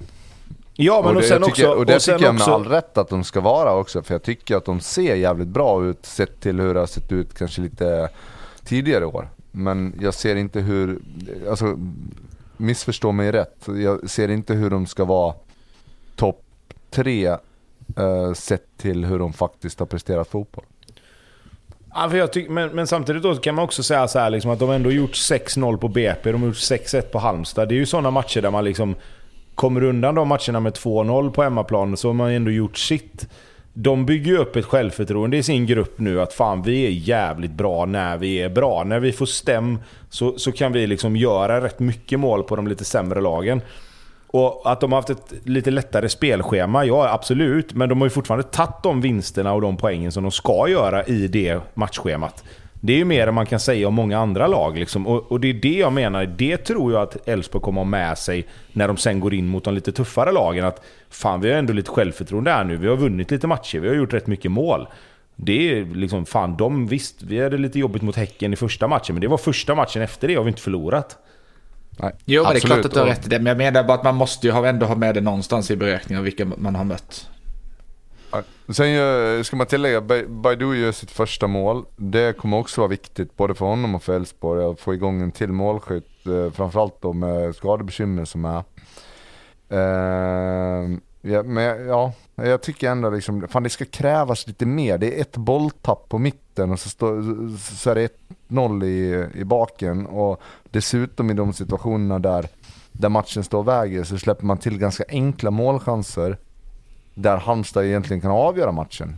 Eh, men eh, det är ju en eh, halvlek som, som är helt fantastisk på sitt sätt. Liksom. Alltså det är jättefina mål och, och hur man vågar anfalla. Man ser ut som det här eh, man ser ut som det hemmalaget som de ska vara. Att man vågar skicka fram allt man har hela vägen. Ehm, så att det fanns mycket positivt. Men jag bara lite sådär, lite med reservation att eh, det var inte allt som var bra liksom.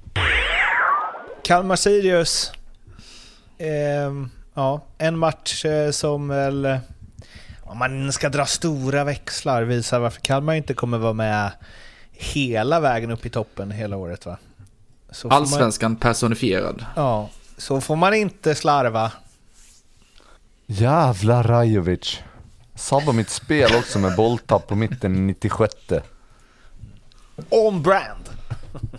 Får man ändå säga. Ja, verkligen. Han är liksom klass och inte klass eh, i samma spelare. Ja, alltså nu, det, pudeln är nära nu.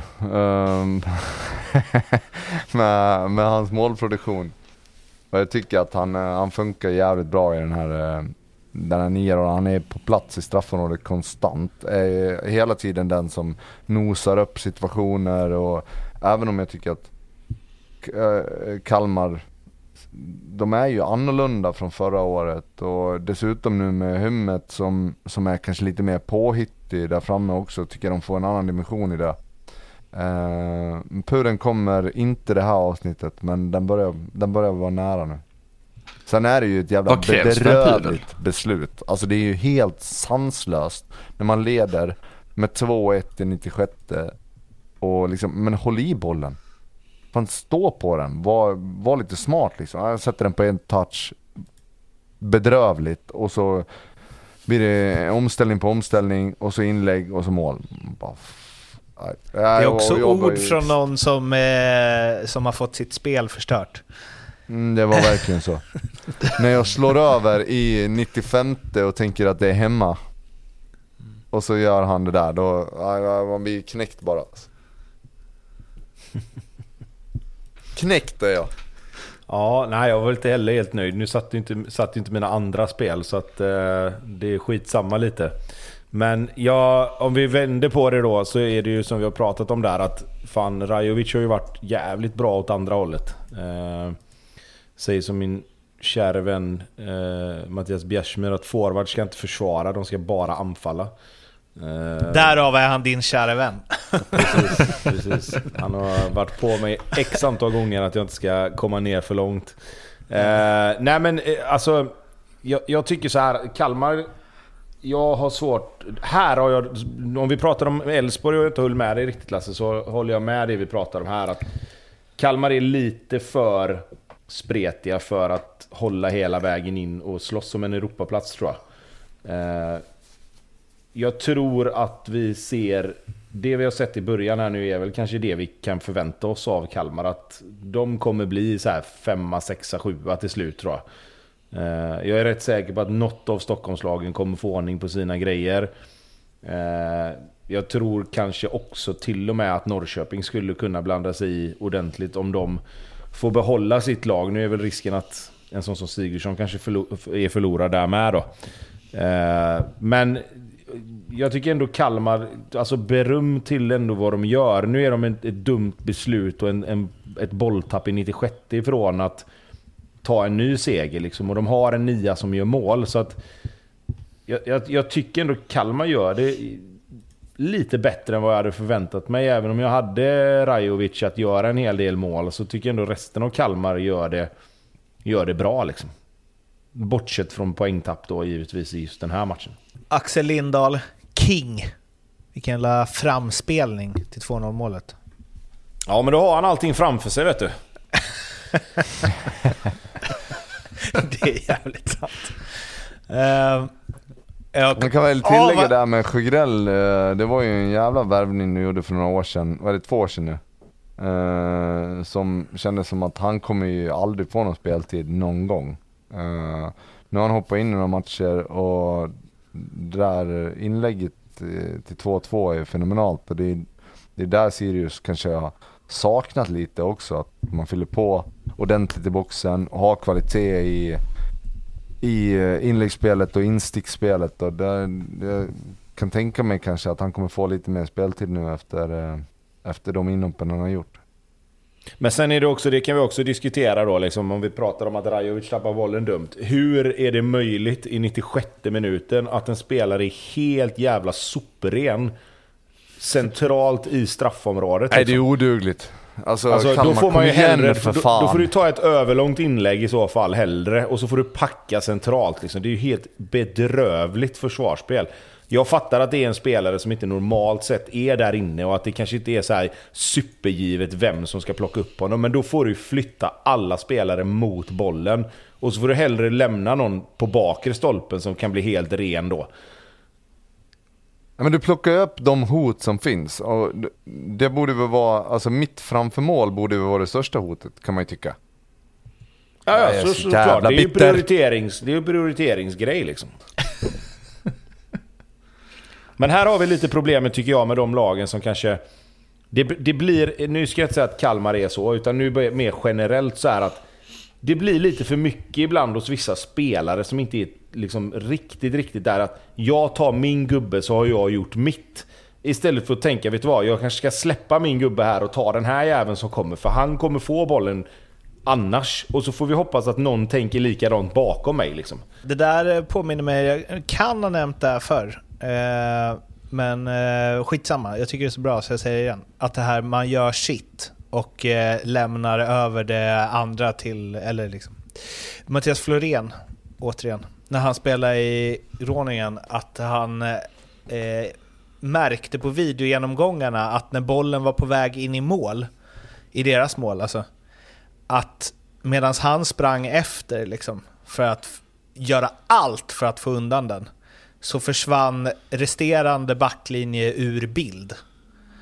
Eh, så att det bli, slutade alltid med att liksom sista bilden var att bollen var i mål och Florén låg intrasslad i nätet. Och det, och det var så här, ja, Florén. Inblandad i alla de här situationerna. när motståndarna gör mål. Det tycker jag ändå, eh, det känns holländskt på något sätt. Att man liksom, ja, jag, var, jag var inte där när bollen Ja, det, är, det är inte försvaret som är prio i det landet direkt. Nej det är det ju inte och man-man är väl eh, kanske inte alltid att föredra men eh, som Tobbe är inne på, alltså ju närmare målet du kommer så blir det ju mer man-man. Du måste ju liksom du måste ju ta den ytan eller den personen som är största hotet. Så spela zonförsvar innanför femmetern, det är ju idioti liksom. Värnamo BP. Eh, Linnér står inte. Nollan för BP igen. Eh, vinst 1-0, sent avgörande och... Eh, fan. Ska de, ska de blanda sig i Europaplatserna eller? Bäst i Stockholm. Bäst i Stockholm just nu. Just det. det finns väl inte skitmycket som eh, talar för att de inte kommer vara det när säsongen summeras heller i och för sig. Som det sett ut hittills. Fan det är otroligt. Hur, hur bara, alltså ljugarbänken-effekten. När vi gnällde på att Mellberg, alltså hade jag träffat Mellberg på stan och han hade vetat vem jag var och att jag hade sagt det jag sagt i ljugarbänken hade jag gömt mig. Och jag hade skämts.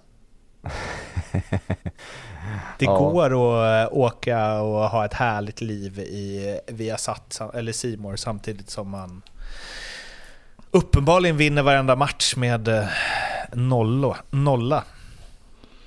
Otroligt.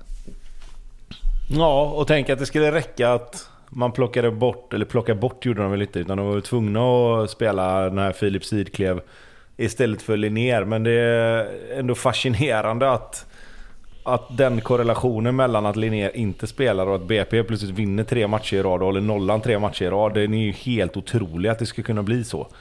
Helt Han gör ju otroligt. några ruggigt svettiga räddningar också. Den, eh, Engvalls chans är ju, det är ju ett bra avslut liksom. Ja, ja, nej, nej, han har ju varit helt otroligt bra. Alltså, det, det är liksom... Men jag, men jag tycker bara liksom att det, det alltså, ja, jag vet inte, vad, jag- jag vet inte vad, ens vart jag vill komma med det. För jag vill egentligen inte hoppa på Linnér på det sättet. Men det blir ju sjukt fascinerande att det kan vara så. Ja, Nästan som man tycker synd om honom. Ja, det blir nästan det, det, det, det, är- där man landar till slut liksom. Att fan, vad fan har han gjort egentligen för att förtjäna det liksom? Men du, vi kan ju gå in på det här nu då så kan vi försöka städa av detta med tanke på att vi skulle försöka hålla oss kort denna veckan så det har ändå blivit ett längre avsnitt än någonsin typ. Men det röda kortet som eh, Värnamo får. Eh, vi, Oh, d- Otroligt. Dra, ja men dra bakgrunden här Lasse, för du hade ju en lite annan Solklart. take. solklart rött kort. Be- berätta. Nej men alltså de, man ser ju att de, de håller ju på, de har ju tjafsat under hela matchen egentligen. Och sen sekvenserna innan så är det ju några, jag vet inte vad de säger, jag kan inte läsa läppar. Men det är ju ruggigt dålig stämning. Och sen kollar ju, är det Bustos va? Heter han? Nej, Netinho var det. Netinho. Är det, Nitinho är det, ja. Han, han tittar ju verkligen ner. Och jag har aldrig i mitt liv behövt trampa på någon eh, i en sån situation. Jag kan inte se varför han skulle behöva göra det. Det är bara en, alltså han försöker sätta honom. nu ska jag trampa till här och så låtsas som att det inte var någon fara. Men om det är så, Fast- då är det väl flera matcher eller? Ja, men jag tror att, jag tror att de- de väger in det. Eh, Jag tror situationen i sig, hade den bara skett eh, mellan två spelare random, då hade inte, jag tror inte han hade fått rött kort. Det är knappt att han har fått gult kort. För att det går så snabbt och det är så svårt att uppfatta när en spelare ligger ner. Och vad försöker han göra? Hoppa över eller inte? Försöker du som fotbollsspelare hoppa över någon, då hoppar du över någon. Så enkelt är det bara. Men domarna har ju bra koll på vad som har hänt innan. De vet att det finns en eh, en beef där liksom. Och när han väl trampar till, jag har kollat på slowmon typ 17 gånger, det är jävligt svårt att, att se att han verkligen menar det. Och det är inte, Nej, ja, jag, slowmon talar emot dig skulle jag säga. Jag har också men kollat på den han 17 tittar ändå ner och jag känner så här, om jag, om jag skruvar tillbaka bandet till bättre tider när jag faktiskt var på en fotbollsplan. Jag har aldrig någonsin behövt trampa på någon. Nej, Alla men bollen, ändrar, varit- bollen ändrar ju också riktning. Han är på väg mot bollen och så studsar den lite konstigt. Precis bakom, vad fan ska han göra? Han vill ju först dit. Alltså, Nej, jag, jag, jag, och- får jag säga och om- vad, vad min take på det här är då? Tobbe, jag måste bara... Om det är meningen som du säger Lasse, och eh, Janogy får tre matcher för det som hände i derbyt, då ska ju Netinho ha fem matcher. Ja men det är ju det för att disciplinnämnden är helt odugliga. Eh, Det här är ju Men en vi, grej dit kan vi väl komma, vi kan väl komma dit sen. Vi kan, vi kan komma Oj, dit sen. Tobbe spricker upp i ett leende bara myser i hela kroppen om Nej, att vi ska prata jag om att tycker så här, Jag disciplinnämnden tycker är så dålig. här, alltså med, med bakgrunden till allting, för den ska jag helt ärligt säga, den hade inte jag riktigt koll på att de sprang och var ovänner innan. Men det jag tycker är skillnaden på att göra det här med meningen och inte göra det. Jag, jag köper att han kanske tittar ner en snabb stund för att se vad han har, spelaren som ligger ner. Det kan man göra även för att försöka undvika. Det som jag tycker talar emot att det är meningen, det är att normalt sett när du trampar ner så, då är det ju första benet som du trampar ner med. Då sätter du ner den första foten på spelaren om du vill göra någonting. Här tycker jag ändå att han försöker hoppa över honom. Sätter ner första benet utan att träffa honom. Och sen kommer det andra benet när han är lite i obalans. Och lite grann släpar i huvudet. Som dessutom inte är på samma ställe som det var från början. Så att jag tycker det är jävligt hårt. Jag kan köpa att det finns en beef emellan dem. Men jag tror inte det här situationen... I så fall är han sjukt skicklig Men har, har, på har att du dölja någon det. gång i din karriär eh, misslyckats att hoppa över en spelare som ligger ner och trampat honom i huvudet? Nej men, ja, men, det, ja, men fast han trampar Men inte honom i huvudet. honom i Han huvudet. trampar inte honom i huvudet. Han han trampat honom i huvudet är en annan grej tycker jag. Men här Han tycker jag mer att det är ett knappt. ben som åker med i farten och träffar honom i huvudet. Alltså det, är det, det är där jag tycker skillnaden är. Sen kanske han är så jävla skicklig på det här att han släpar med det benet i huvudet på han med flit. Men, jag Men det är tycker exakt det jag skillnaden menar. Är, ja men skillnaden är att Om jag, du när jag trampar, tittar på den här situationen så tycker inte jag det ser ut som att det är med mening alltså. Klumpigt, du har ansvar för din egen fot. Ja, men, men så här, om vi ska ta hockeytermer. Och då är det gult kort på Netinho. Och s- vem var det han gjorde det på? Oscar Petter... Eller? Ja, jag kommer inte ihåg. Eh, Men. Ja, skitsamma. Gult, på, eh, gult kort på BP-spelaren också, om, han, eh, om man har fått tag i honom, eller om han fortfarande är ute och rullar någonstans. Alltså... Åh, kryper hela kroppen. Var, varför skrev de gul kort på BP-spelaren för? Filmning. Nej, han får ju en fot. Han får ju en fot i huvudet. Det är väl ingenting. Ja, det är... en fot i huvudet! Men Mårten, för helvete. Du som aldrig har spelat fotboll kan ju inte bestämma om han får ont eller inte. Alltså, Nej, men jag har han gjort får ju grejer som- fortfarande, Han får ju fortfarande en smäll. Det som kan hända är ju att det kan ju Får vara att den där det? jävla foten... Det kan ju vara att den där foten liksom nästan till och med skrapar huvudet på han och dob, att dobbarna är det som träffar för att det är det som kommer sist. Det gör ju så djävulusiskt ont. Men alltså, okej då, det kan har du inte säga någon någonting om. gång Det är ingen behövt filmning. släpa ditt ben Tobias så att du träffar någon i ansiktet? Nej men alltså, jo men släpar, alltså inte, inte bokstavligt talat med meningen släpa foten i huvudet på han. Men det benet som du liksom, han, är ju, han har ju fullt sjå tycker jag med att se till att han undviker att första benet träffar honom. Och att man då sen i obalans, att det benet följer med. Liksom. När jag menar släpa så menar jag med att det benet hänger ju med av bara farten för att det sitter fast på kroppen. Men det jag kan ge dig är ju att hade det inte funnits en beef innan, hade de inte varit på varandra som de är, växla massa ord där precis vid sidlinjen, så då hade jag nog inte reagerat heller. Då hade jag nog också tyckt att det, nej det var nog ingen fara. Men med, det, med den bakgrunden så är jag, jag är helt säker på att han vet precis vad han gör. Ja, okej. Ja, ja, vi är inte helt överens här. Det enda vi är överens om är att Martin kan gå och lägga sig, för det var fan ingen filmning. Nej det är inte. Det, Träffar det, var, honom sjukt- ens? det var sjukt dålig spaning alltså. Men, det, eh, alltså det handlar ju mer om att så här. Nu är jag inne på Fan, Janogy jag trodde igen. inte du hade det översitteriet i dig Hysén, att köra du som inte har spelat fotboll. Nej, det Nej, var, det- nej, jag kände att jag fick dåligt samvete här själv faktiskt. Jag ber om ursäkt för Men- det. ska Det var, det var lite väl hårt. Men jag menar mer att liksom, har du, har du någonsin fått en, liksom, alltså en släpande fot eller liksom på något sätt bara fått en Ja, smäll i huvudet? sluta Tobbe, du kan inte rulla tio varv. Alltså det är ju ondare att slå i lilltån i soffan än vad det där gör. Och i- inte fan rullar man tio varv Nej, här men, hemma på nej, okej, men okej. Jag, jag, kan, jag, kan möta dig, jag kan möta dig halvvägs här. Okej, han kanske överdriver lite grann själva reaktionen. Lite grann? Absolut. Men det är ju fortfarande ingen filmning. Det är ju där hela grejen är. Det är ingen filmning. Hatar sånt där. Men han vet ju också om vad, han vet ju att domarna vet vad de har hållit på med under, eh, kanske hela matchen, men framförallt de senaste minuterna. Så han vet ju att, Träff, träffar han honom i huvudet? Ja, det gör han. Gör verkligen det? Ja, men annars är det väl ingen rött kort? Hur ser domaren det? Undrar jag. Han står ju på andra sidan om honom. Alltså, ja. Du vet, Det kände vi roll i den här podden att vi ska gå det har varit en uppfinning ganska länge. Att man hör känner jag det disciplinnämnden, eh, känner jag disciplinnämnden rätt så kommer det, den kommer strykas det här röda kortet. Tror du det? Han går ju precis åt andra hållet vad som egentligen är rätt. Så att, eh, Trams. Alltså, eh, max gult för att han är ansvarig för sin fot och lite klumpig. Ja, och sen rött kort för att du är kränkt för att han filmar också på han BP-gubben. Han, han borde blivit avstängd ut fyra matcher. Men disciplinnämnden Kan bli, borde kan bli, man stänga av BP-killen för att han fick Jag, en jag fot har i också två situationer på datorn. fan har du huvudet där för en jävla nöt? Ta bort huvudet, kapa Ja. av det så att han trampar på dig. Fyra matcher Jag har, jag har också två situationer uppe bredvid varandra där den andra är Janogid som man... Oj! Jag pratar inte om det. Oj om det hade hänt i en här match. Då hade det varit den där 23an hade han rullat, ja, jag vet inte, dubbelt antal varv va? För en hand. Alltså, mm, det mig så Men vad fan, du kan väl fortfarande inte slå till någon? Eller vad? Nej men man kan ju fortfarande stå upp om du får ett slag i bröstet. han Uppenbarligen. låg ju redan men nere, han men- fick ont Men han ju... rullade. Det är väl skillnad att få ett slag. Jag säger inte att det inte hade varit så som du säger, men här snackar vi om en fot i huvudet eller ett slag i bröstet liksom. Tveksam till eh, att det är en fot i huvudet. Vem har slagit vem i bröstet undrar jag?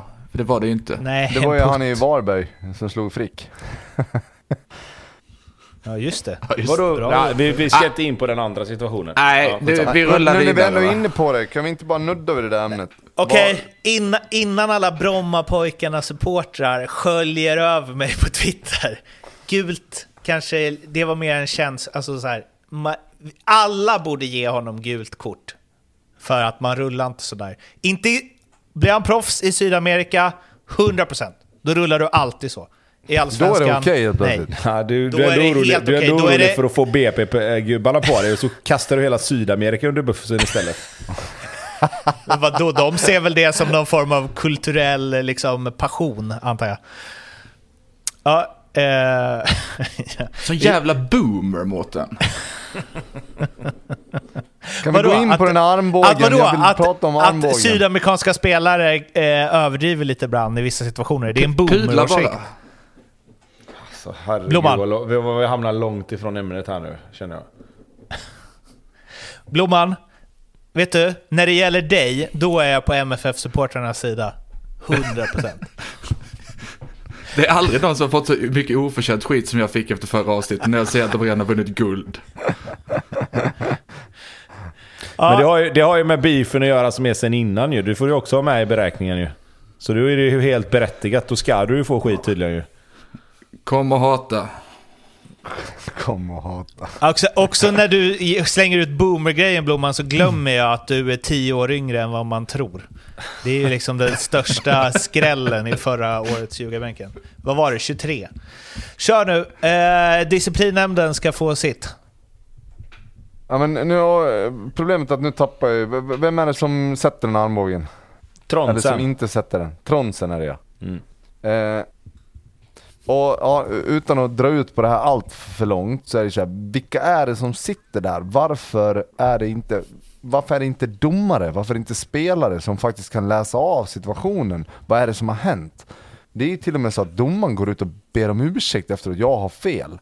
Och så har- har disciplinnämnden gett honom två extra matcher och så vidare. Nu är de tvungna att ändra på det beslutet. Men då, vi måste ju ifrågasätta eh, varför de till att börja med får ta det beslutet. Vilka är det som bestämmer det? Okej, jag fattar det. Ja, men vi tog in en, eh, en, ett barn på planen. Okej, det är säkerhetsbestämmelser. Bla, bla. Det är ju löjligt bara det. Åt båda hållen. Men om det är fotbollsrelaterade frågor så måste det vara människor med fotbollskunskaper som ska ta de besluten.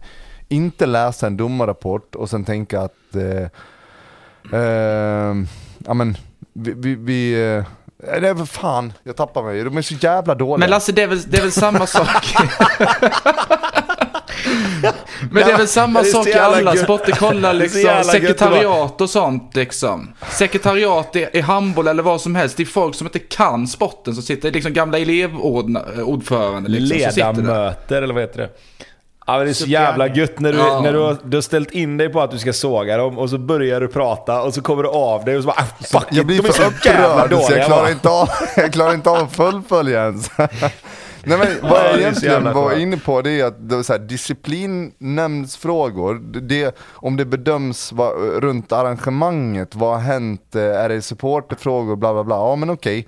Då kan det kanske vara random folk som tar de besluten. Men när det är fotbollsrelaterade grejer så måste det ju vara människor som faktiskt kan någonting om fotboll. Om man sen är domare eller spelare eller vad det nu kan vara. Det skiter jag i. Men det måste ju bli Ja. en vettig bedömning i det.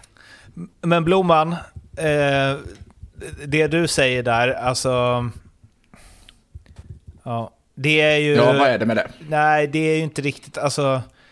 Eh, i, i, I hockeyn så sitter ju bara... Vi kan inte hamna där nu. Lyssna nu, så sitter bara gamla spelare och det blir precis lika fel där. Alltså gamla spelare som i spelare som la av för ett år sedan. Men är det verkligen så? Och, Ja. och de tar ändå massa knasiga beslut. Och det blir, det blir man ju ännu mer irriterad på. Jag önskar att det vore någon gammal elevrådsordförande som tog de besluten istället. Då hade man i alla fall någonting att liksom härleda det till. Men när någon som la av för en säsong sen är med och tar helt horribla beslut. Men då alltså, blir man ju... Holland har ett, eller hade, jag vet inte. Men de, de hade i alla fall när jag spelade Holland, då fanns det ju ett system där alla gula och röda kort eh, bedömdes i efterhand. Som, och det, det, jag tycker det är jävligt bra för att så här, det är svårt för en domare eh, i, alltså när det går så fort som det gör och vi inte har VAR att bedöma. Men då är det ju också, det är gamla, gamla domare som sitter och ser över situationerna. Var det här verkligen ett, ett gult kort? Efter att ha sett alla repriser. Var det här verkligen ett rött kort?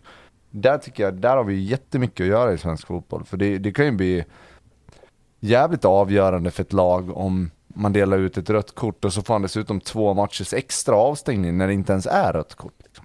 Ja, jag tycker det låter som en bra idé. Alltså så länge det, det påverkar ju inte matchen heller, för det är ju det som är det stora problemet, utan man tar det efteråt. Ja, Ja, men, men, men det känns ju som att varje gång någon lämnar in, och det här är ju ett undantag då, men har någon någon gång innan fått igenom en överklagan på ett rött kort? Det har ju aldrig hänt. Det är så här bara, nej, vi har rätt, vi går vidare. Men här blir det också fel, för här hade det liksom varit så här. Tycker man att det röda kortet är fel så skulle du plockat bort avstängningen från den första matchen också ju. Det är klart. Men det, men det tar ju alldeles för lång tid och då blir det så här. Men det kan ju inte ta så lång tid. Jag Jo, men fattar möter inte det. Men skitsamma, det, vi, vi, kan väl bara, vi kan väl bara vara överens om att vi, det behöver funka lite bättre. Alltså det behöver, det, behöver, det behöver tittas på och kanske korrigeras och på något sätt lösas på ett lite bättre sätt än vad det gör nu i alla fall. Skicka in det till ljugarbänken, vi, tar, vi löser det, tycker jag. Ja, vi hade ju löst Här- det bättre, det är en sak som är helt säkert i alla fall. Det vet inte fan med tanke på att du vill ge han tre matcher i Värnamo där. Exakt, det är det här alltså, det, är det här det hamnar i. Det är roligt att vi... Alltså fatta om de är så, Så oense där. De bara... Tre matcher bara, nej jag tycker inte att det är något. Bara, nej, okej. En och en halv då. Han får komma in i halvlek. Ja, fan. Ja, det, vad det här slutade med att disciplinnämnden ändå fick någonstans vatten på sin kvar. Konstigt. Eh, men eh, ja, det var allt va? Ja, det var väl det. Eller ska vi pressa det över eh, två timmar? Nej, Nej, det är bra nu. Jag ska ut på gatorna i Amsterdam. Just det, det är 72 snickare som är vilse utspridda över Amsterdam. Ska försöka Eh, leta så på var trev- och en. Ja, trevlig helg Lasse. Eh, och så hörs vi om eh, På måndag va? onsdag morgon va? Onsdag kanske? Det blir gött det. Ha det eh, bra. Hej då. Ha det bra. Hej hej! Hej!